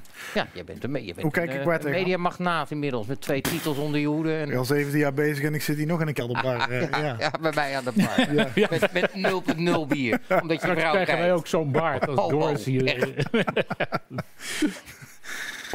Maar hoe kijk ik waar tegenaan? Tegen, Ja, tegen het hele mediaverhaal, van hoe ze met, met Trump zijn omgegaan. Nou ja, dat is een, een- een onderdeel van de irritatie. Dat de manier waarop de, de- zijn opkomst was altijd werd beoordeeld als iets fouts. Want Trump was fout en zijn Ja. aanhang waren domme schreeuwende mensen. En er is nooit, eh, zelden in ieder geval, een serieuze poging ondernomen om te kijken waarom kan die man winnen? Waarom, eh, wat, wa- waarom is die? Nou, Waarom- dat ben ik niet helemaal met je eens. Want, nou, wie heeft het gedaan dan? Wie heeft Er, er is wel degelijk, eh, kijk, de ene kant is er wel degelijk, heeft men eh, ook bij de Democraten toch ook wel echt wel geleerd eh, van, oh wacht eens even, er is hier een hele andere groep aangeboord wat wij Ah, Tom, compleet kom nou toch. zijn. De, Maar- wat dan? de? Democraten hebben vier jaar lang lopen janken dat Trump Ja. Russia collusion had. Dat, hij, dat Hillary eigenlijk gewonnen had. Dat het allemaal niet klopt en niet deugt. Dat, zijn, dat de aanhangers deplorables zijn. De halve land Ja, werd ja. vier jaar lang afgeschreven en voor gek verklaard. Het zijn allemaal gekkies, complotdenkers, enge mensen, militia-lui, gevaarlijk. En, en het beste waar ze na vier jaar mee naar voren kunnen komen... is niet met wat zelfinzicht, zelfreflectie en de vraag... wat hebben we verkeerd gedaan? Hoe kon Trump winnen? Wat hebben wij daaraan bijgedragen? Nee, Nee. ze schuiven Sleepy Joe Biden naar voren... en ze zetten er voor de vorm een donkere vrouw neer. Naast, als Ja, VP. het- het- het is nog die, gelukt die haar eigenlijk, ja, ja omdat, omdat Trump die andere was. En omdat die magie na vier jaar ook wel uitgewerkt was. En omdat die man ook gewoon niet helemaal... Niet helemaal ook, het was een leuke knuppel in het hoenderok. Maar het was natuurlijk niet echt een... Maar als jij nou als Trump. Maar je zo kan niet, je kan niet, je kan niet zeggen met- dat die, dat die democraten eh, zich in vier jaar tijd eh, eerlijk opgesteld hebben, zichzelf bevraagd Oh, nee, hebben. dat zijn de en dat geldt, en dat geldt Dat als we terug naar die mediavraag gaan, dan heb ik vier jaar lang alleen maar eh, kranten en media gezien die niet alleen aan iedere, iedere halve zin die niet klopte van Trump breed uitmaten op de uitgemeten hebben de voorpagina, maar ook zijn kiezers beschimpt hebben. En al, alles wat die fly. Ik, moet, ik heb vaak terug moeten denken aan Ilke Bos van Rosenthal, die destijds nog in de VS als correspondent zat voor een of andere NPO. En die eh, altijd een beetje prat op ging of prat op gaat dat hij zo'n Amerika-kenner is. Want die, nou ja, als je 's morgens wakker wordt, dan, of als Amerika wakker wordt, dan twittert hij drie headlines uit de Times en de Post. En, eh, en, En dan gaat hij slapen. en dan doet hij net alsof hij Amerika geduid heeft. Een beetje Eh, dat. Maar ondertussen zat hij destijds te twitteren van eh 97% dat het Hillary wordt. En eh, geen kans dat Trump wint en dit en dat. Nee, en al, die die, zat ernaast. al die staten waar hij al die tijd heen en weer overheen is gevlogen. Hij heeft, heeft weet ik veel hoeveel jaar in Amerika gezeten. En kennelijk is hij nooit ergens anders geweest dan in New York, in Boston, in Washington en in, in Los Angeles. En misschien is hij een keer op vakantie geweest in New Orleans. Ik weet het niet. maar al, overal waar eh, die stemmers van Trump zitten, heeft hij nooit een stap gezet. Oh, En, dat, en dat is een beetje de mentaliteit die al die lui hebben. Dat zie je bij Erik Mouthaan ook. Die staat de hele tijd. Dat is een gay in New York. Die. eh, Als hoofdredacteur zou ik zeggen, dat doe je niet meer. daar, is, daar is niks mis mee, maar dat is een, daar is een, dat is een gay, een, een, een, een, een, eh, een, urban eh, gay gast die in New York, in een gay community, in de media werkt. En die staat daar met zo'n zijn handjes ook gewoon alleen maar voor te lezen wat de New York Times die dag geschreven heeft. Of wat CNN heeft verteld. En denkt daarmee Amerika te duiden, alleen maar omdat hij toevallig fysiek in Amerika staat. En daar zit geen enkele vraag bij. Ik heb hem nog nooit naar een klein kutmijnstadje in Colorado af zien reizen. Of naar een weggeroeste eh conveyor belt van een grote fabriek ergens in de westpunt Je van weet Pennsylvania. altijd, hè? Ja, I don't give a fuck. Jij noemde hem Aston Mount Han. Ja. Ik duid alleen maar dat zijn werk niet deugt. En, nou, het ligt wel en werk. dat Maar- heeft hij allemaal nooit gedaan. En ondertussen is het alleen maar zuchten en het steunen over hoe erg het allemaal is. Zonder dat echt letterlijk te zeggen. Want je moet altijd plausible deniability hebben om te kunnen zeggen... ik ben gewoon objectief. Ik vertel gewoon wat er aan de hand is. En nou En daar, zat ik, daar irriteer ik me altijd aan. Omdat daar, Nee. daar, zit, daar zit een oneerlijkheid en een, een, een onwaarachtigheid... en een onbetrouwbaarheid onder... die geponeerd wordt als een soort... wij vertellen jou hoe het zit, Trump deugt niet, geen vragen meer stellen, meneer. Goed. Dat was hem. Ja, weet je zeker? Ja. Mooi. Theodor. Nee. We hebben ook Nee, die beelden nee. gezien van die... Niet probeer-. Ik moet, ik Niet moet mee ook, eens. Wel, maar ik moet ook een beetje de advocaat van de duivel zijn hier. Dan zie ik die beelden van die persconferentie. Waar Ja. Trump gewoon letterlijk tegen journalisten zegt... Je bent een leugenaar. Je brengt Ja. alleen maar fake Ja. news. Alleen maar op zo'n manier met die mensen omgaan. Dat, nou, dan heb- krijg je ze niet snel mee ook, denk ik. Is misschien Nee, ook- ik denk dat ook wel met stroopvang je eerder vliegen dan met bier of zo. Wat was het? Ja. Ja, ik ben dat met je eens. Ik zou het ook hebben gedaan van... eh, eh, dat is een hele interessante vraag die u daar stelt. Kom ik op terug. Die parkeren we even. ja. Ja. Ja, eh, kan we eens een keer samen een glaasje wijn drinken? Dan zal ik u uitleggen wat ik eigenlijk bedoel. Weet je wel, natuurlijk zou dat veel beter zijn, maar dat is zijn stijl niet. En daarbij, hij wil volhouden dat hij genaaid wordt door de pers. En dat zelfs in de vraagstelling van de, de journalisten, dat dit daar ook al een vooroordeel zit. Eh, en dat, daar heeft hij geen zin in. Ja, dat is zijn goed recht. Verstandig vind ik het niet. Nee. Maar ik ben ook geen Trump. En ik, dus ja, Maar ja, als jij tegen iemand zegt, je bent een leugenaar, je brengt fake nieuws. Ja, dan krijg je dat tegen je. Ja. lul natuurlijk. Ja, ja. ja. Dan krijg je dat tegen je. nee, eh, maar goed. eh, dat slaat ook over. En je, en je ziet dat bijvoorbeeld ook... ehm, Maar dat ehm, is interessant, oh, oh. want waarom, nou ja, waarom, slaat het, waarom slaat het aan bij de mensen die achter hem staan? En waarom slaat het niet aan? En noem, noemen wij Omdat het beide misschien- kanten bevestigend is. Ja, precies. dat tuurlijk. is het. Ze Dus- allebei halen het eruit van, de- zie je wel wat voor lul, die kan je niet mee omgaan. En ander zegt, En je dus hij heeft hij wordt er voor, voordeel bij. Nee, nee. Dat is, dus haalt hij er voordeel uit.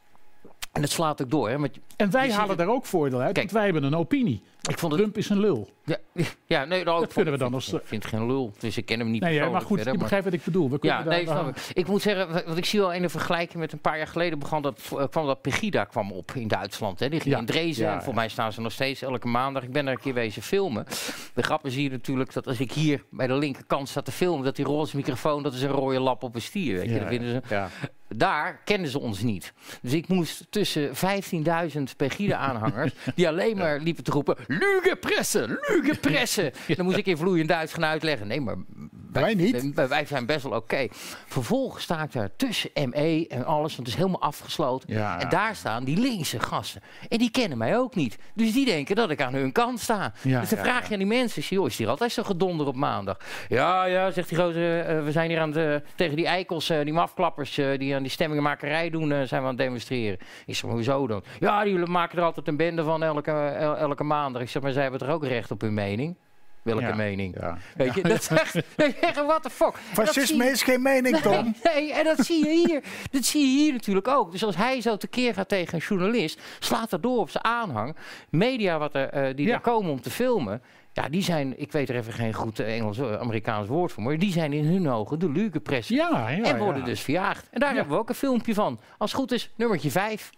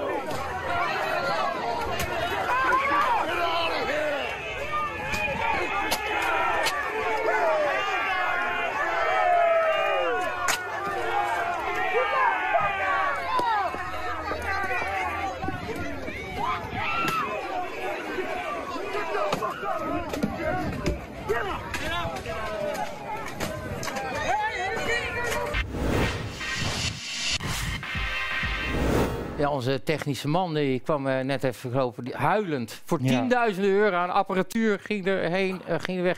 En ik heb vaker in dit soort situaties gestaan. Ik blijf Maar altijd- één bitcoin, hè? Eh, ja, ja, we één bitcoin kon je dat allemaal kopen inderdaad. Oh, ja, drie kwart bitcoin. Nee, ik heb- bij mij komen ze nooit voorbij mijn, eh, voorbij mijn camera. Voorbij mij en, en mijn cameraman. Dus, maar ik heb hier wel eens bij die Antifa-gasten gestaan. Toen een jongen van 21 bij ons, Wilco. En ik, werd, ik kreeg trappen en hij kreeg trappen. Maar ik kan op een gegeven moment niet zien wat er achter mij gebeurt.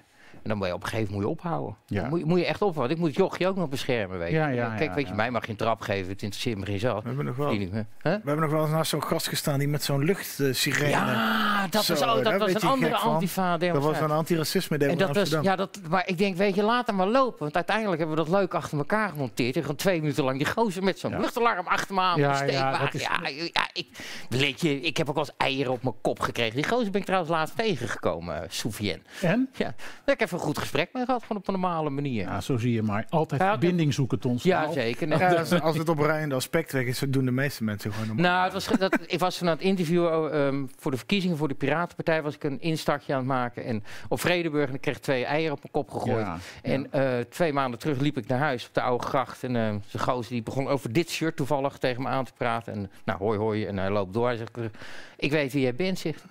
Ik zeg, "Ja, ik heb eh, jou twee eieren op je kop gegooid een paar jaar geleden. ik zeg, jongen, dat vond ik zo triest, hè. Dat vond ik zo'n trieste actie. Ja, Ja. Dat hebben een tijdje ja. dan lullen. Ik heb uitgelegd. joh. Hij zei, Ja, eigenlijk ja, voor- snap ik het ook niet waarom ik het deed. Hij zegt, nou, inmiddels vier jaar ouder. Ik baal ervan. Het heeft vijf minuten geduurd. We hebben elkaar een hand gegeven. Hij zei, nou, weet je, prima leven. Het was helemaal geen onaardige jongen. Zo jammer dat ik ze Hij heeft daarna zelfmoord gepleegd, hè? Dat weet je. Ja, ja, ja. Ja, vanaf nou, de neudenflat. Is hij vanaf de neudenflat? Ja, ja. Plat, bam. In een bak, in een Ja. bak eieren. In een bak met eieren, ja, ja. Vol met fipronil. Nee maar, het, nee, maar ik vind het jammer dat ik zijn nummer niet gedaan. Want ik wil eigenlijk gewoon eens een keer een avondje met zijn gozer zitten, weet je. En dan eh, krijgt hij een glas, eh, een, een munt niet en zo ik, eh, raar. en Dat ik- Een, glas goedkoper wijn. Dat doen we er niet zo Tuurlijk raar. wil je Een dat. eiergooier is toch niet zo interessant? Houd toch Nee, op. het Je gaat, maar er weer, ga je er- redden. Die, Nee, die, die, maar waarom zou ik dat niet doen? Jongen, het is vier jaar later. Jochie was toen 15, is nu 19. Er zit een verschil tussen. Ja, Oké.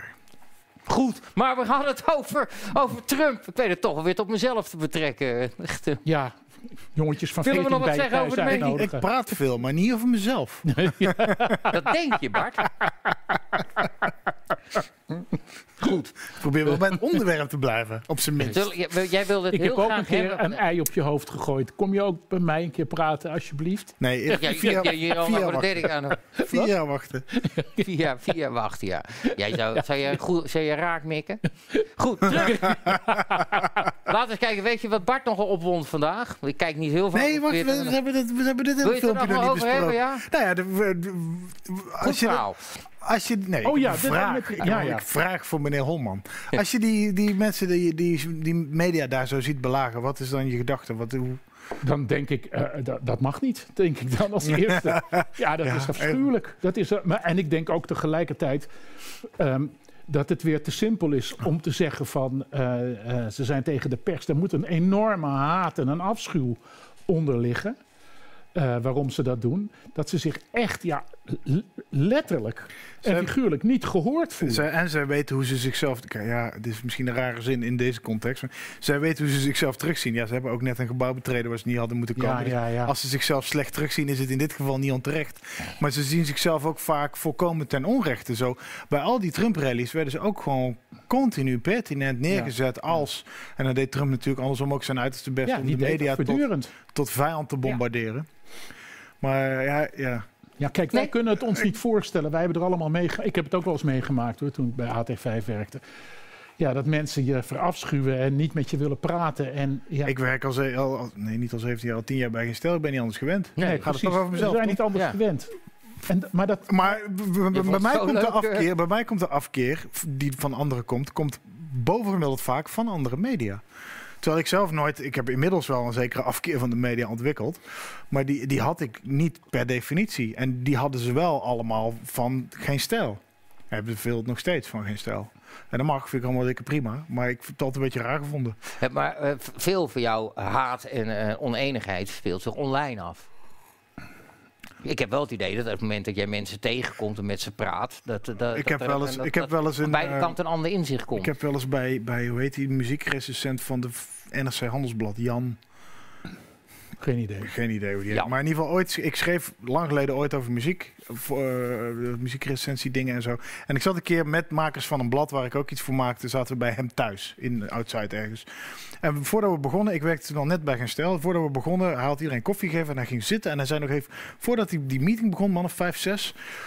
Zei hij, keek hij me nog even aan, zei hij echt heel plechtig, voordat we beginnen wil ik nog wel even gezegd hebben dat wat mij betreft geen stijl aan de, aan de, de, de bel, aan de, aan de wortel van de stam van, de, van het goede fatsoen en dat soort dingen. Ja. Dat wil niet expliciet maar oh, aankijken ja, en dat zeggen. En ik dacht alleen maar, ja, dude, ik kom hier om over een muziekblaadje Ja, dingen. ja, ja. I don't care. Ja, oké, dat vind jij, whatever. En ik reageerde er nauwelijks op. Ik had helemaal geen zin om me daar druk over te maken. Dat- Dat irriteerde hem nog het meest, want hij dacht, ik zal jou eens terechtwijzen.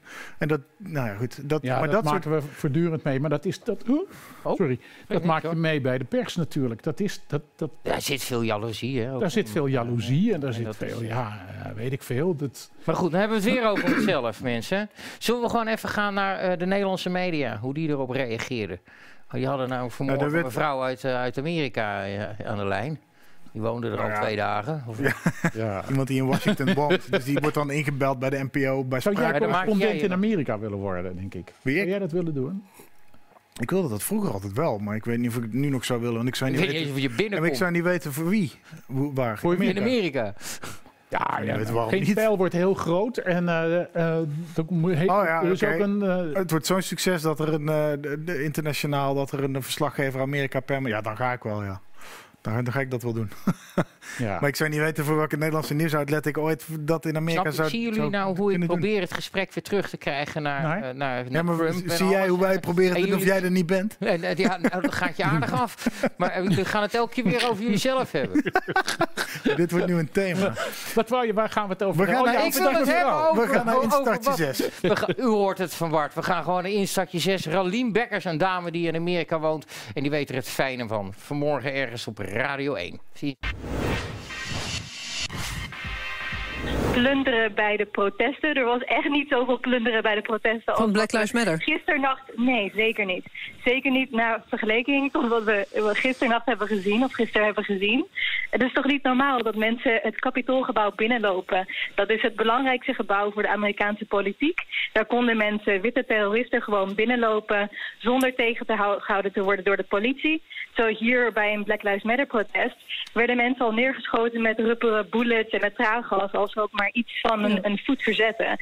Dus ik denk niet dat het plunderen is eh, wat je kan vergelijken op dit moment. Nee, maar gebruik je het, bewust het woord witte terroristen? Ja, ik denk dat wel. Of, of binnenlandse terroristen, domestic terrorists, zoals, zoals het hier wordt genoemd. Ik denk dat het dit echt een, de grootste dreiging is voor de national security. Goed, dames en heren. eh, u kent hem als geen ander van zijn lange rans. Vergeef hem alle tijd. Het woord is aan de heer Bart Nijman. Nou doe je net alsof ik hier een hele toespraak op voorbereid heb. Maar ik, ik, Dat heb hier- jij niet nodig. ik sloeg hier vanmorgen wel heel hard op aan. Omdat ik denk van, jezus, de- wie is die Ralien Bekkers? Nou, dan klik je op die Twitter-bio. En dan blijkt ze Ja. voor de Verenigde Naties dingen gedaan te hebben. Ze zit eh, in de ecologiehoek. Dus nou, ja, je gaat dan, dan ga je al naar links, zeg maar.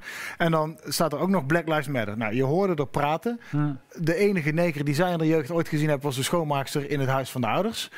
Om het maar even te...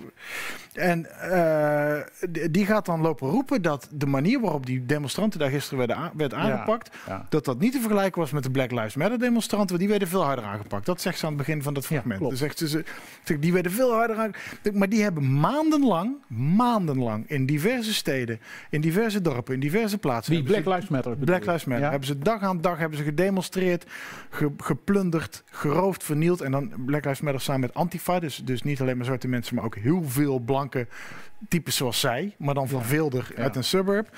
Die hebben winkels vernield, die hebben de boel in de fik gestoken. Die hebben mensen lastiggevallen, die hebben de politie belaagd. Die, zijn bij, bij, die hebben eh, eh, politici tijdens eten lastiggevallen. Politici thuis lastiggevallen. Journalisten thuis lastiggevallen. En dan zegt zij, zegt in één zinnetje, zegt ja, wat die mensen hier gisteren, die, mo- de- de- wat die gedaan hebben daar in, in Washington, dat is honderd keer erger. Dat zijn witte terroristen.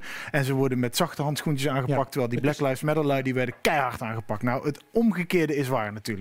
Die mensen die we daar binnen zagen lopen gisteren, daar zaten een paar debielen bij, zoals we geconstateerd hebben. Er zijn ook heel veel mensen bij geweest. Een heleboel debielen, maar er zijn ook veel mensen bij geweest die uit zichzelf naar buiten gelopen zijn. Die nog een zeker respect hebben voor mensen in uniform, die er niet op uit waren met de politie te matten. Die wilden gewoon de waarheid vertellen aan wat politici. Die hebben geen brandstichtingen gepleegd, die hebben niet geplunderd. Er staan geen eh, leuzen op de muur gegraffitied. En, eh, Als je en- meeloopt, kun je het, het, is, het, wat me vooral heel erg stoorde is dat zij het zo enerzijds anderzijds maakte. En dat ze het zo positioneerde. Ze, ze deed net alsof wat die mensen gisteravond daar gedaan hebben, alsof iedereen dat eigenlijk wel goed vond. Terwijl de, de veroordeling was unaniem. Iedereen vond het niet goed, niet oké. Iedereen was geschokt. Iedereen hield de adem in of het niet een, een, een bloedbad zou worden. Alsof of daar de, de volgende burgeroorlog, die kon daar bij wijze van spreken beginnen. Gisteravond 6 januari in Washington.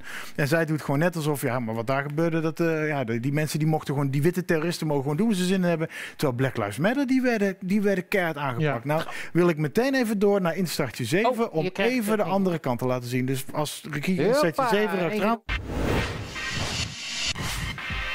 Senate Majority Leader Mitch McConnell was heckled at a Louisville restaurant Friday night. The woman who shot the video told TMZ at one point the main aggressor slammed his fists on McConnell's table, grabbed his to go box, and tossed the food out the door of the restaurant. Cruz and his wife Heidi were at an Italian restaurant uh, near the Capitol in DC, and uh, they were met with some activists, and uh, the situation escalated quickly. Let's take a look.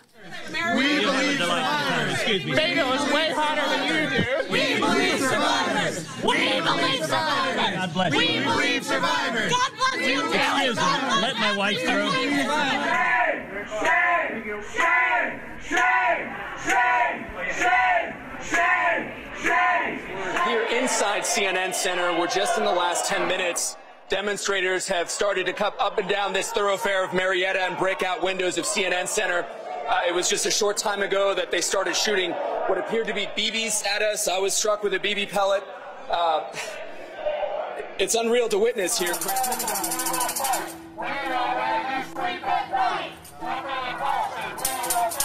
We know where you sleep at night. Dat is dus in het afgelopen jaar ook allemaal gebeurd. Eh, Ted Cruz die in een restaurant wordt belaagd. Eh, Mitch McConnell, republikeinse huischef, die, die wordt Ja. belaagd. Eh, de baas van de, de Department of Homeland Security die in een restaurant wordt Voor belaagd. Wat ik er niet in had Fox. zitten is dat Ted Wheeler, de burgemeester van Portland, de, werd, de lobby van zijn appartement werd bezet. Tucker Carlson, eh, Fox Anchor werd zijn huis. We know where you sleep at night. Nou, ze zullen het maar staan roepen onder je raam. Eh, wat zat er nog meer tussen? Eh, eh, CNN-gebouw in Atlanta, hoofdkantoor van CNN, wat door het Black Lives Matter, door zwarte demonstranten, voornamelijk zwarte demonstranten, werd belaagd en bestookt. Die, die lui die konden allemaal dat soort dingen doen. En dat werd ook natuurlijk werd dat ook veroordeeld. Maar toch werd dat over de hele bandbreedte gezien, heb ik het gevoel dat daar zachtere handschoentjes werden gebruikt. En dat daar vanuit de media, heb ik het nu over, meer begrip getoond werd voor the plight of the people. Van die arme onderdrukte zwarten. Of die, die, die linkse mensen, die antifa-lui, die zogenaamd voor de onderdrukte en de zwakkeren. Als je zegt dat je antifascist bent, dan ben je automatisch oké. Vandaag was in Nederland op Twitter nog trending. Ik ben antifascist. Nou, heel dapper. Ja. Gefeliciteerd. Ja. Echt knap, jongens. Ja. Applaus. We gaan zo op het balkon Nee, met de pannen meppen. Ja. Maar eh, dat soort dingen. Dat, en, Ja, dat, en dan zit dat wijf op de radio. Die doet net van ja, maar kijk, daar het echte probleem. Dat liep daar zo net. eh, Nee, maar die dame die het presenteerde, kan even van naam komen van spraakmaker. Plag? Is dat Ghislaine Plag? Ja, Ghislaine Wat ik op Plag. zich een prima journaliste vind. Die zegt, nee, maar die, die, die zet hem ook wel even lekker voor. Hè? Die, die gooit de term witte terrorist. nee, dat die- zei ze zelf. Ze, ze herhaalde van. Dan mijn excuus, kunnen we het... Oh, kut, het is live. Eh, ze zei, maar nou wil dat ik zei even dat meisje. naar Theo Zij doorluisteren. reageerde daar zelfs nog enigszins verbaasd over. Ik, mag, ik wil nu even naar Theo doorluisteren.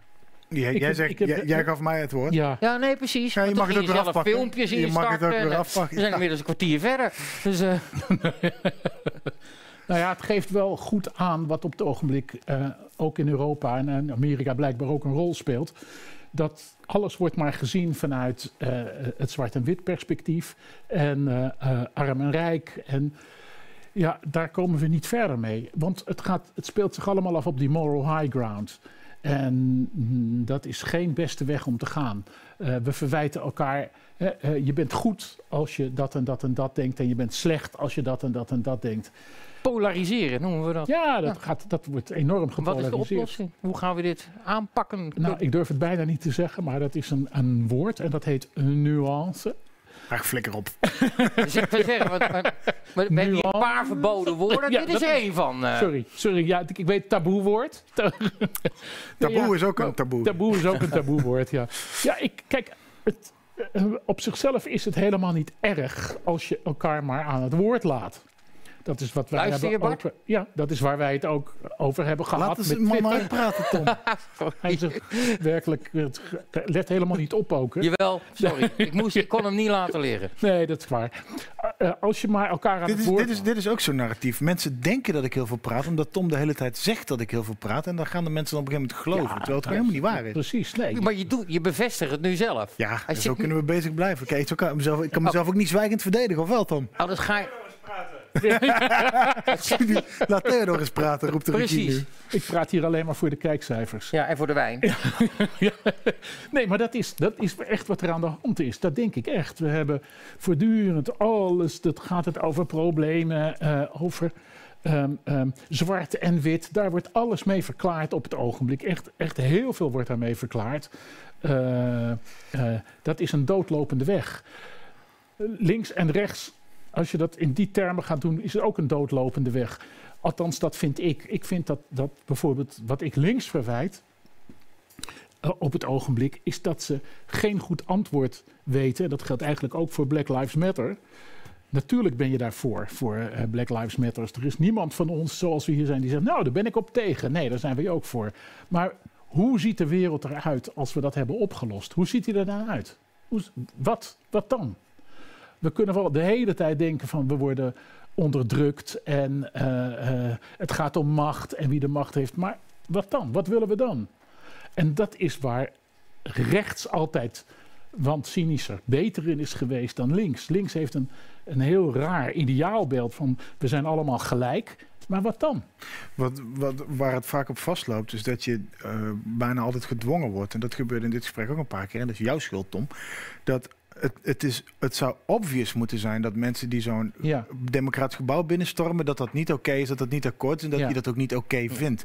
Maar kunnen we dan vanaf die conclusie meteen door naar de waarom-vraag, Ja, de hoe-vraag? In plaats van dat we steeds moeten blijven herhalen: ik ben antifascist. Natuurlijk is het niet oké. Ja, die mensen is- zijn allemaal.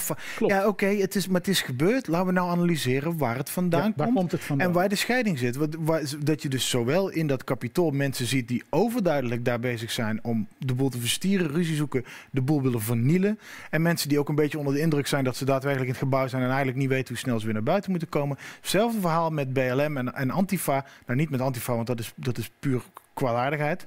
Maar wel met BLM dat daar eh, een paar oprijers en vervelende lui zitten die ook nog eens marxistische Ja. ideeën hebben. Maar ook vooral veel mensen die een bepaald sociaal, maatschappelijk, economisch streven hebben in de samenleving, Ja. een positie daarin. Ja. En dat gesprek moet je voeren. En die vragen, moet, dat, Ja. die grieven moet je ook aanhoren. Zoals je ook de grieven van die blanke Trump-stemmer, die gewoon niet, zich geen raad weet met zijn plek of zijn positie of zijn baan of zijn werk. Broer verloren in een oorlog, een arm verloren in een oorlog.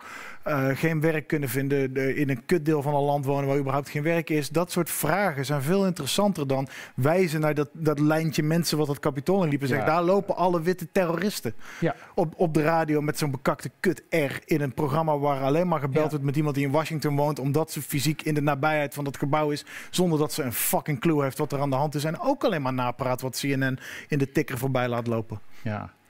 Ja, Ja? ik ben het helemaal met Bart eens. Jij natuurlijk ook. Ja, nee, ik, eh, ik, nee, nee oh, maar ik, ik deel het grootste gedeelte van die mening. Nee, maar dat is, ik vind dat echt een van de grote problemen. Dat we niet goed weten. En misschien zit ik er wel helemaal naast hoor. Ik twijfel ook vaak aan mezelf. Want ik ben ook niet goed eh, bij mijn hoofd en geestelijk gestoord. Maar dat we niet goed weten hoe we dat soort zaken moeten analyseren. En dat het ook niet goed geanalyseerd wordt. Het wordt heel eenduidig en makkelijk geanalyseerd. Ik zie op CNN voortdurend, en dat meen ik echt. Ik zag gisteren ook weer een Van Jones en nog iemand bijna huilen. Zelfs een senator die zat bijna te huilen om wat er gebeurd was. Ik weet niet wie dat was. Van Jones huilt echt om de Van Jones die huilt voortdurend en die zegt: Ik heb het met mijn kinderen moeten laten zien. En weet u wat die zagen? Die, die vroeg mij papi dit en weet ik van wat. denk ik, ja, dat is de hele verkeerde manier om, het, om een goede analyse te geven. Ja. Ik weet ook niet wat goed analyse, een goede analyse is. Maar ik vind dat in ieder geval helemaal geen goede analyse. Want die gaat over de, alleen maar over de emotie. En waarbij een emotie gelijk wordt gesteld aan een goede moraliteit. En ik, ja, bedoel, ik- vind ik dat ook? Ja, dat vind ik. ik moest even nadenken over de woorden die ik zei. maar ja, dit wordt de emotie, een, een, een verdrietige emotie, wordt gelijkgesteld aan een hoge moraliteit. Zo analyseer je geen zaken. Maar hoe, weet je, hoe wel weten we eigenlijk ook niet. Nou, zeg je, we hebben nog best de hele tijd. te gaan. Ik, ik, ik denk door, een, door een, een goede analyse te maken. Maar wanneer is dat. Kijk, vragen over moraliteit zijn altijd afhankelijk van de, van de bubbel waarin je zit. Wat jij en ik goed vinden, of wat jij en ik fout En je vinden. normen en waarden. Ja. Ja, die normen en waarden, dat is, dat is waarom het hele grote conflict vroeger in de jaren 20 en 30 en later weer in de 50 en 60 jaren en later ook weer in de 70 en 80 jaren. Dat conflict ging altijd over wat is goed en wat is slecht. In Amerika, zeker tussen de Democraten en de Republikeinen. Het feit dat die hele Vietnamoorlog. Ik heb die fantastische serie gezien op Netflix over Vietnam, die ik iedereen aanraad. Van die Ken heeft, Burns. dat is echt wel een serie geweest. De, De War Vietnam, Vietnam? de Oh, Vietnam nou, War. Die heeft echt wel mijn visie voor een groot gedeelte veranderd. Ik was, ik, ik was vroeger ook zo'n linkse jongen die tegen eh, de oorlog in Vietnam was en dergelijke. Als je die serie ziet, dan zie je de afwegingen die er gemaakt werden. En het, wat er. ja, dat. Oh, sorry, dat is mijn. Dat komt ik. Je hebt gewoon een pratend horloge. Ik heb een pratend horloge. Maar dat, dan, dan zie je heel duidelijk dat, dat je er voortdurend naast zat in die tijd. Dat er wel andere zaken aan de gang waren. Dat er, ja, waarvan ik denk, misschien had ik ook wel gezegd, net als Johnson, laten we in godsnaam dat maar gaan bombarderen. Eh, eh, het was echt een oorlog. Ja. Dat, om, om dat naar het huidige echt mijn mening veranderd. Om dat naar het huidige onderwerp terug te brengen. Ik zag vandaag Janine Abbring. eh, die, de, Ja, over, over Arjen Lubach. ja, die twitterde een klein fragmentje van vier jaar geleden. Waarin in Jinek, was, toen was Trump net gekozen. En dan zit Charles Groenhuizen zit daar. En Jinek zelf. En Ja, nog iemand en Lubach. En die zitten dan met z'n allen. Nou ja, goed, hij heeft gewonnen. En hij had toch ook wel. Hij is een outsider. Ja. Ze waren gematigd. Ze- deden een poging om uit te leggen waarom Ja, ja. gewonnen had. En ze waren niet eh, unaniem grof veroordelend. En dan op het einde van het clipje komt, komt Lubach en die zegt... ja, maar het is gewoon een idioot. En die- Abbring die twitterde dat vandaag een beetje... alsof dat een soort van... nou zie je, hij heeft al die tijd al gelijk gehad. Terwijl je ook gewoon aan het begin kan denken... nou ja, misschien is deze verandering Ja. wel precies waar... waar een meerderheid om schreeuwt, anders had die man niet gewonnen. Laten we eens kijken wat er Ja, gebeurt. nee. En dan blijkt het na vier jaar, eindigt het in deze teleurstellende... want Trump heeft zich de afgelopen... sinds zijn verlies in november heeft hij zich als een klein kind jengelend op de grond Ja. laten... Je ziet ook, iedereen is achteruit terug de hek ingekropen. Van, nou, laat hem maar even. Ja. Behalve dan die paar mensen die gisteren... Maar de meeste de volwassen mensen zijn gewoon, net zoals bij Thierry... zijn gewoon verdwenen. Van, als het zo gaat, dan gaan wij eh, iets Ja. anders doen... want daar willen we niet mee. En dan wordt die Abbring, die, die poneert dat alsof... kijk, hij wist het toen al. Ja. Terwijl, Ja, ja, terwijl. Het volwassen antwoord is... Op dat moment kijk je aan, vraag je af waarom. En dan bekijk je wat er gebeurt. Voor dat hetzelfde geld was die man met vlaggenwimpel herkozen door 100 Ja, miljoen ja, ja. Amerikanen. Omdat hij Ja. alles goed gedaan had. En dan had Abbring nooit laten zien dat filmpje waarin Lubach vier jaar geleden zei: Het is gewoon een idioot. Exact, exact. Alleen omdat hij nu, ja, het is heel makkelijk om nu, nou zie je wel te zeggen. Ja, terwijl je. je- Hey, Ja. say, I told you so. Kijk, aan welke... maar er, zit- er, zit geen, er zit geen enkele analyse of intellectuele eh, nieuwsgierigheid in dat het is een idioot. Ja, nee, Niets. helemaal niks. Nee, eh, Nee, dat is, kijk, dat vind ik het grote probleem. Welke tools heb je nodig eh, om tot een goede analyse te komen? Dat, kan dat wel? Dat vind ik echt een vraag. Dat weet ik niet. Ik ben columnist, ik, ma- ik maak een grap mee of ik geef mijn eigen mening. Meer kan je ook niet doen. Ja. Alleen het, het, het linken is dat het medium bepaalt het gezag wat je hebt. Je stijl bepaalt je gezag, je persoonlijkheid bepaalt je gezag. Maar je weet nooit of je dat gezag wat je hebt, of dat rechtvaardigt wat je zegt. En of dat ook zo is. En, en dat wordt echt in Amerika gaat dat een groot probleem worden. Dat is ook de haat die men heeft tegenover de serieuze pers. Wij, ik zou trots zijn als de Washington Post of de New York Times mij morgen zou bellen en zou vragen: wil je columnist bij ons worden? Dan zeg ik ja, meneer de hoofdredacteur, heel graag. ja, natuurlijk. Dat zijn gezaghebbende bladen. Maar, Maar- het is ook zo dat die bladen, die zijn er een groot deel ook, die pers is er ook voor een groot deel van voor verantwoordelijk, dat die mensen in het zuidwesten en in het zuiden van Amerika, dat die zich ongelooflijk genaaid voelen en zeggen, geef mij maar Trump. Geef mij maar Trump. Ja, als je, Maar ja. daar zijn ze nooit echt ingedoken. Als je- Nee, wat zijn de tools ook die je moet hebben? De, dat komt alleen maar omdat wij be- behandelen dat alleen maar met de zachte wetenschappen. De psychologie, de ethici, de sociale wetenschappen, de, de sociologen.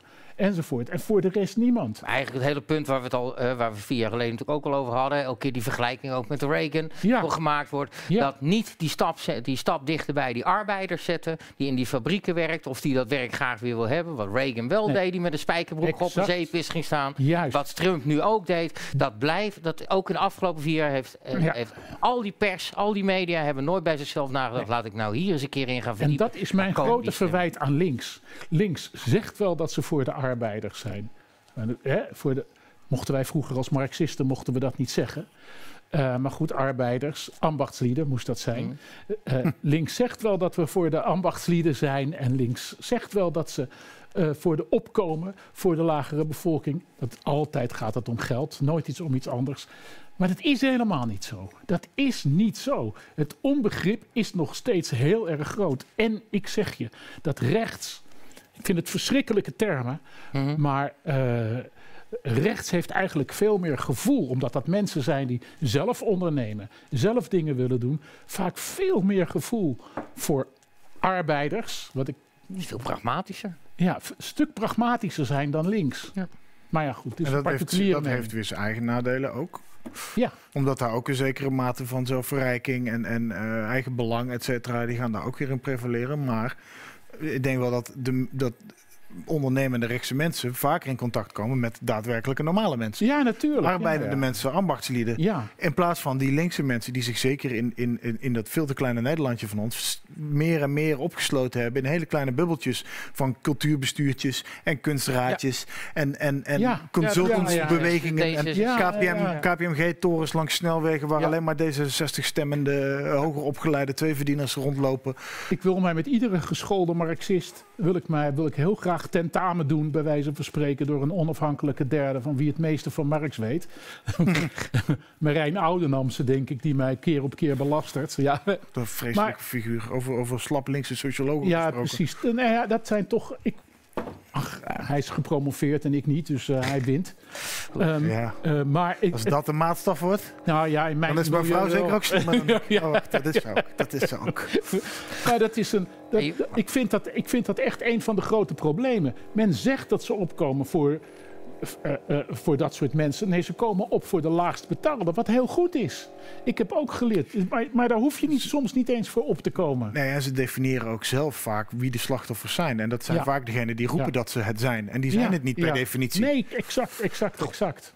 Ja, boeren zijn bijvoorbeeld ook slachtoffers van bepaalde ja, landbouwbesluiten, ja, ja. Van, van de willekeur van, van politiek. Nee, en die dat- komen daar op een gegeven moment tegen uit. Die zijn, omdat ze slachtoffer zijn, maar niet als slachtoffer op de grond gaan liggen. Nee, die stappen op de trekker en die rijden naar Den Haag. Worden vervolgens ook als een soort Ja. witte terroristen neergezet. Ik vind wel dat je altijd moet redeneren vanuit, vanuit mensen die het slachtoffer zijn, maar dan ook eerlijk redeneren. Ik vind dat je best kan zeggen, noem maar wat. Ja, je moet niet iemand tot slachtoffer maken. Ja, En dat asielzoekers, is het. ook onder asielzoekers zitten mensen die niet per se slachtoffer zijn, maar die gewoon denken wegwezen hier. Ja. Ik ga kijken of ik Ja. ergens anders kan maken. Ja, en ja, niet exact. met hangende pootjes en druipende haartjes bij het hek ja. staan en zeggen: Ik ben een slachtoffer, help mij. Ik maar ben het helemaal eens met de heer Nijman. Nou, dan ben ik blij om. Liever, we gaan ik- richting het einde. We- Nou. nee, we gaan gewoon door. Ja, we ja, kunnen We hebben eigenlijk- het nog niet gehad over de toekomst van Amerika. Moeten we het over hebben? Jij wou het nog over de toekomst van Amerika hebben? We hebben geen instartjes meer, dus Tom denkt dat het klaar is. Ja, het is wel een keer mooi geweest. eh. Nee, we gaan gewoon door. Nu pas, nu pas Ja. doen we een beroep op Ik, nee, ik, wil wel eens, ik, nee, ik, ja, ik wil jou wel eens horen over hoe het er onder Biden uit gaat zien vanaf 20 januari. Nou ja, ik denk dat zijn in- grote in 21 problemen... Hij heeft een paar problemen natuurlijk. Het probleem China, hij heeft het klimaatprobleem... hij heeft het coronaprobleem, wat misschien wel het allergrootste is. Eh, hij heeft het probleem met... eh, ja, internationaal, wat gaat hij doen? Eh, Iran. Dus hij heeft een heleboel problemen waar hij tegenop... waar, waar hij een, een positie in moet proberen te vinden. Dus hij zal het zeer zwaar krijgen. Ehm, eh, ik, ik denk dat het een, een helft job wordt. En ik denk dat de mensen, omdat die- dat, dat kan niet allemaal goed gaan, op een gegeven moment heel erg zullen schreeuwen om een eh, Donald Trump-achtige figuur. Maar ik kan ernaast zitten, ik hoop het. Maar, Maar de kans is wel dat je dat dan niet hoort, dat de media daar geen aandacht De aan afgelopen, vier, de afgelopen vier jaar hebben de Democraten eh, niks neergelegd over. Nee. Ze hebben wel geroepen: het klimaat gaat eraan, daar moeten we wat aan doen. En, en nou ja, zwarte mensen zijn heel zielig, daar hebben ze ook veel gezegd. Maar je hebt ze niet echt een duidelijke China-strategie horen verkondigen. Je Nee. hebt ze niet een hele duidelijke. Iran-verhaal horen verkondigen. En je loopt nu de kans, de, althans dat, dat is waar ik voor vrees, is dat ze vooral heel erg gaan terugdraaien wat Trump gedaan heeft. Dus Ja. de Iran-nucleaire deal komt terug. Eh, Met China gaan ze Ja. weer wat liever doen. En ze gaan weer vol gas inzetten op Parijsakkoorden.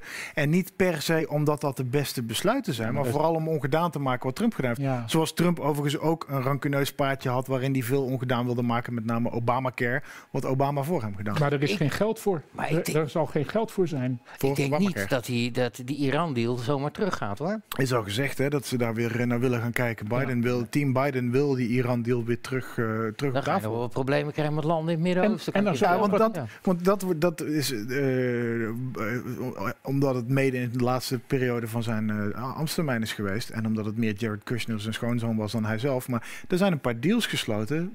Echt deals die, Ja. tot, die een vrede in het Midden-Oosten plausibeler gemaakt Ja. hebben dan al dat gepruts en Ja. gevogel van de afgelopen Nee, eens, 40, 50 eens. jaar. Nee, En daar krijgt hij nul credit voor. Mede, ging- mede omdat er voor miljarden aan wapens verkocht wordt aan Saudi-Arabië, waar iedereen een beetje iffy van wordt. En dat is ook niet onbegrijpelijk. Het hele trouwens gedoe met de NATO, dat gaat hij ook wel overeind houden. Maar daar gaat hij ook groot gelijk in. Als de Ja, afspraak is allemaal heeft hij 2%, daar gelijk in, ja. dan moet je het ook Dan moet je Elke keer als we proberen ze vooruit te kijken, kijken we dus terug op de dingen die Trump heeft besloten.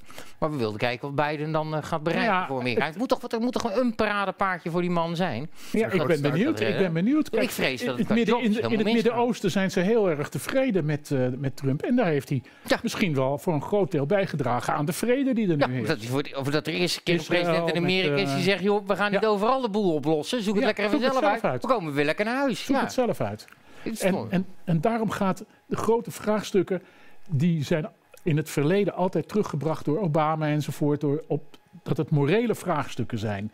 En dat wil Biden ook weer. Die wil daar morele vraagstukken. Terwijl ehm, de moraliteit bij Trump, dat, zijn moraliteit hing meer af van zijn zakelijk instinct. Hebben we er wat aan als Amerika? Mhm, ja. Make America Great Again? Of hebben Als we er niks aan? Hebben we er niks aan? Ja, ja, dan doen we er toch ook niks aan. Wat heb ik met die troep in de rest van de wereld te maken? En dat wordt een hele belangrijke vraag die ook Europa aangaat en die ook ons in Nederland aangaat. Wat hebben wij aan een heleboel deals die we bijvoorbeeld binnen Europa sluiten? Misschien hebben we daar helemaal niks aan. Misschien moeten we wel net als Engeland, ik ga nu te ver. Komt omdat jij de hele tijd blijft bijschenken. misschien, gaan we, hè, misschien moeten we ook wel eens denken aan een exit, of juist niet. Eh, Liever niet. Nou ja, ik, heb, ik weet het niet. Nog Ik moeten we nog eens even over nadenken. Maar, Maar ik ik weet zou het het niet. gek vinden als we daar een referendum of zo over zouden Ja, krijgen. Want dan, ik oh, ook. dan gaan we een heerlijke tweedeling in Nederland krijgen. Nou, er zou een partij moeten komen die bijvoorbeeld eh, niet zozeer met debatten, maar dat, eh, dat eh, een partij Ik alleen maar stemmen geeft. Oh, en eh, ja, die, die, heeft geen mening en die doet het meteen met referenda. En eh, dat zou het best een directe democratie Heb je daar nog een goede naam voor, die partij? Nee, nog niet. Ja, iets Met peilingen. iets met peilingen. Dat, zou- dat zou ik Als fijn het vanuit vinden. ons zouden doen, moet het ook iets van geen erin. denk Code. Oranje zou ik wel een leuke naam vinden. voor zo'n, of Ja 21. Je komt niet ineens volgende week met Tom, eh, we gaan het toch weer proberen. Ik krijg Beloof wel, je me eh, dat? ik krijg wel, Beloof je me ik dat? beloof je dat. Ik ben al te laat. Hè. Je moet op Nee, 21 nee, december. Weet je dat dat maar wij stonden in de lijst. Om, om onduidelijke redenen staan wij wel met de partijnaam Geen Pijlpartij in de lijst nog. En ik krijg ook sinds een paar dagen weer allerlei soorten mail over aanplakregels van gemeentes en zo. Oh, wat grappig. eh. Ik vind het nog steeds een goed idee. Dus nog steeds. Ja, het is ook gewoon een goed idee. Het is alleen het is niet, Niet uit te voeren. manier. En En wij waren ook niet degene om het te doen. Nee. Ik moest er- eraan denken, omdat bij, eh, ik, ik herinner mij dat vroeger bij, de, waar we het in het begin van het gesprek over hadden, de New Right die er toen was, in de jaren 60, 70, die waren heel erg voor referenda. Want die hadden echt het idee, ja, wij zijn het volk, we zijn, hè, ja, rechts waren ze weliswaar, wij zijn het volk. Dus ja, dan moet het ook, nou, door referenda kunnen wij in ieder geval de politiek eh, weten, hebben we een eerlijke politiek. Dat wilden ze toen ook al in Amerika. Het is maar één keer, geloof ik, gebeurd dat ze een referendum hebben eh, kunnen bewerkstelligen. In Amerika? Ja, in Amerika, de New Right. Ik weet niet wat, eh, misschien iets plaatselijks. Dat zoeken we op. Ik ben geen Amerikanist. Ik zeg het nogmaals. Ik Nou, geen ik, moet zeggen dat je toch aardig ver hebt geschopt vanavond als Amerika-deskundige. Allemaal kennis van de middelbare school. Nog, dat blijft van hangen. ja. ja, ja, ja, ik denk het wel. Bart, ik ga er echt een einde aan breien. Ja? Ja, we hebben nog iets prangers wat je wil vragen. We hebben nog een naneuk zo, dan kunnen we lekker doorlullen. Zullen we een eh, poeltje doen op eh, hoe, hoe lang Biden nog leeft en of dat binnen zijn Ja. afstermijn valt? Welke datum noem jij? Welk jaar? Als we met z'n drieën zijn? Bedoel, eh, nou ja, dan eh, eh, 2022 zeg ik. Dat haalt hij nog. nou, ik, iets ouder, 23. Maar overlijdt hij dan of is hij dan, treedt hij dan af? Hij gaat hij gewoon dood. Hij gaat gewoon dood. Ja, Dus- ja, dit dan is het batterijtje leeg, weet je. en, eh, Het batterijtje is al leeg, Ja. alleen het, het hoofd weet het nog niet. Ik denk 2022 zeg jij? Ja. Dus dat is over een jaar al. Ja, Eh. en dan ben ik nog mild. Ik denk 23. 2023? Ja, en dan denk ik dat er een... eh, En dan wil ik dat er achteraf, dat als het dan klopt, dat dat dan wordt teruggespeeld op Twitter door Ja. Janine Abbring. Ja, van dat, Ja. jij, dat je een ziener bent. Hadden we maar, hadden we maar meer naar Bart Nijman geluisterd. Ja, ja, nee, dan zal de wereld er een stuk beter uitzien, mensen. 2023, daar gok ik dan op. Nee, ik gokte al op drie. Had ik twee? Nee, ja, twee. Hij Nee, ik had 21. twee. Oh, Oh, nee, jij- hij had twee, ik ik 24. 23, jij moet op 24 Ja. gokken dan. Lieve Theodor, wat fijn dat je er weer was. Nou, dankjewel. Ehm, weet je al waar je column over gaat morgen? nee, ja, dit. Ik ga hierover. Ik maak het me makkelijk, sorry. Ja. En eh, is er nog iets Met de wat nieuwe je kwijt wil? hoofdredacteur, Heb je het gevoel dat je alles hebt kunnen zeggen vanavond? Nee. Heb je zelf een stoel? Dan ben ik... Nee, maar in dat geval sluit ik namelijk eerst even af. Trekken we nog een fles wijn open en dan lullen we nog even verder. En dan ben je te Nee. laat voor je deadline Ik- straks. ja, precies. Ik vond het veel te gezellig. Ik, Ja? ik heb enorm veel angst dat ik in, heb zitten lullen. Nee, omdat ik inderdaad Nee, nee, weet dat nee. ik daarvoor kom ik altijd wel. Ja, nee, daar Ja. hebben we Bart voor inderdaad. En dat is goed. En ik hoop dat je de wijn weer prettig vond. Ik heb nog Nou, die wijn is Echt. he- echt heerlijk. Oh, lekker. Dit is, dit is ook uit, de, eh, uit Italië. Het bijna dezelfde streek als waar Barolo's gemaakt worden. Zit- Dit ga je fijn vinden. Het is geen Barolo. Er zit een kaartje bij met zo'n lekkere uitleg en zo. ja, ja, normaal ja, aan je ja, tafel... heerlijk. Ja, die vorige was ook al lekker Ja. die ik bij jullie kreeg. Nee, ja, nee, dat kun je wel aan mij overlaten. Ja, ja, ja. Nou, jij moet een Presenteren keer, is niet mijn vak, maar uh, kom wijn een keer bij mij wijn drinken. Die doos ziet eruit als een van de Ik Twin Towers. ik heb een, eh, een coupon gekregen voor kerst van, eh, van Bart. Dan kun je bij Koop en Koe kun je dan een, eh, Ja, ja. eh, pakket bestellen. Daar heb ik wat geld bij gelegd. Dan heb ik dus echt eh, edelhert of damhert. Nee, damhert heb ik. Ik heb gewoon pak. Dus als die binnenkomt, dan die past goed bij die wijn. hoor. Oeh. Theodor, dankjewel. Gaan we doen. Tot gauw weer. Komen jullie bij ons eten? En dat is heerlijk. Oh, neem je Bart ook mee? Want dan, zijn we voorlopig nog niet weg. Proost Bart. Proost, En je hebt het goed volgehouden zonder alcohol. Echt ook namens na Diewertje thuis. Het is echt 0.0. Hier, ik weet niet of nee, hij is net niet in beeld. Wat jammer, maar het is echt waar. Lieve chipsnootjes en bierkijkers, wij gaan nog eventjes aan eh, de wijn hier en Bart aan de 0.0 en nog even doorlullen over Amerika en van alles en nog wat. Volgende week zijn we er weer, maar normaal hebben we altijd een postertje. Dat zijn we dit keer even vergeten. Volgende week zit hier wederom een SP-Kamerlid, maar dit keer een vrouw. En een heldin ook qua de toeslagenaffaire die ze samen met Pieter Omtzigt eh, onder handen nam. En dat is nog steeds bezig. En daar komt ze alles bij ons over vertellen. Volgende week, donderdagavond, chips, nootjes, bier om 9 uur met Renske Leijten. Tot volgende week.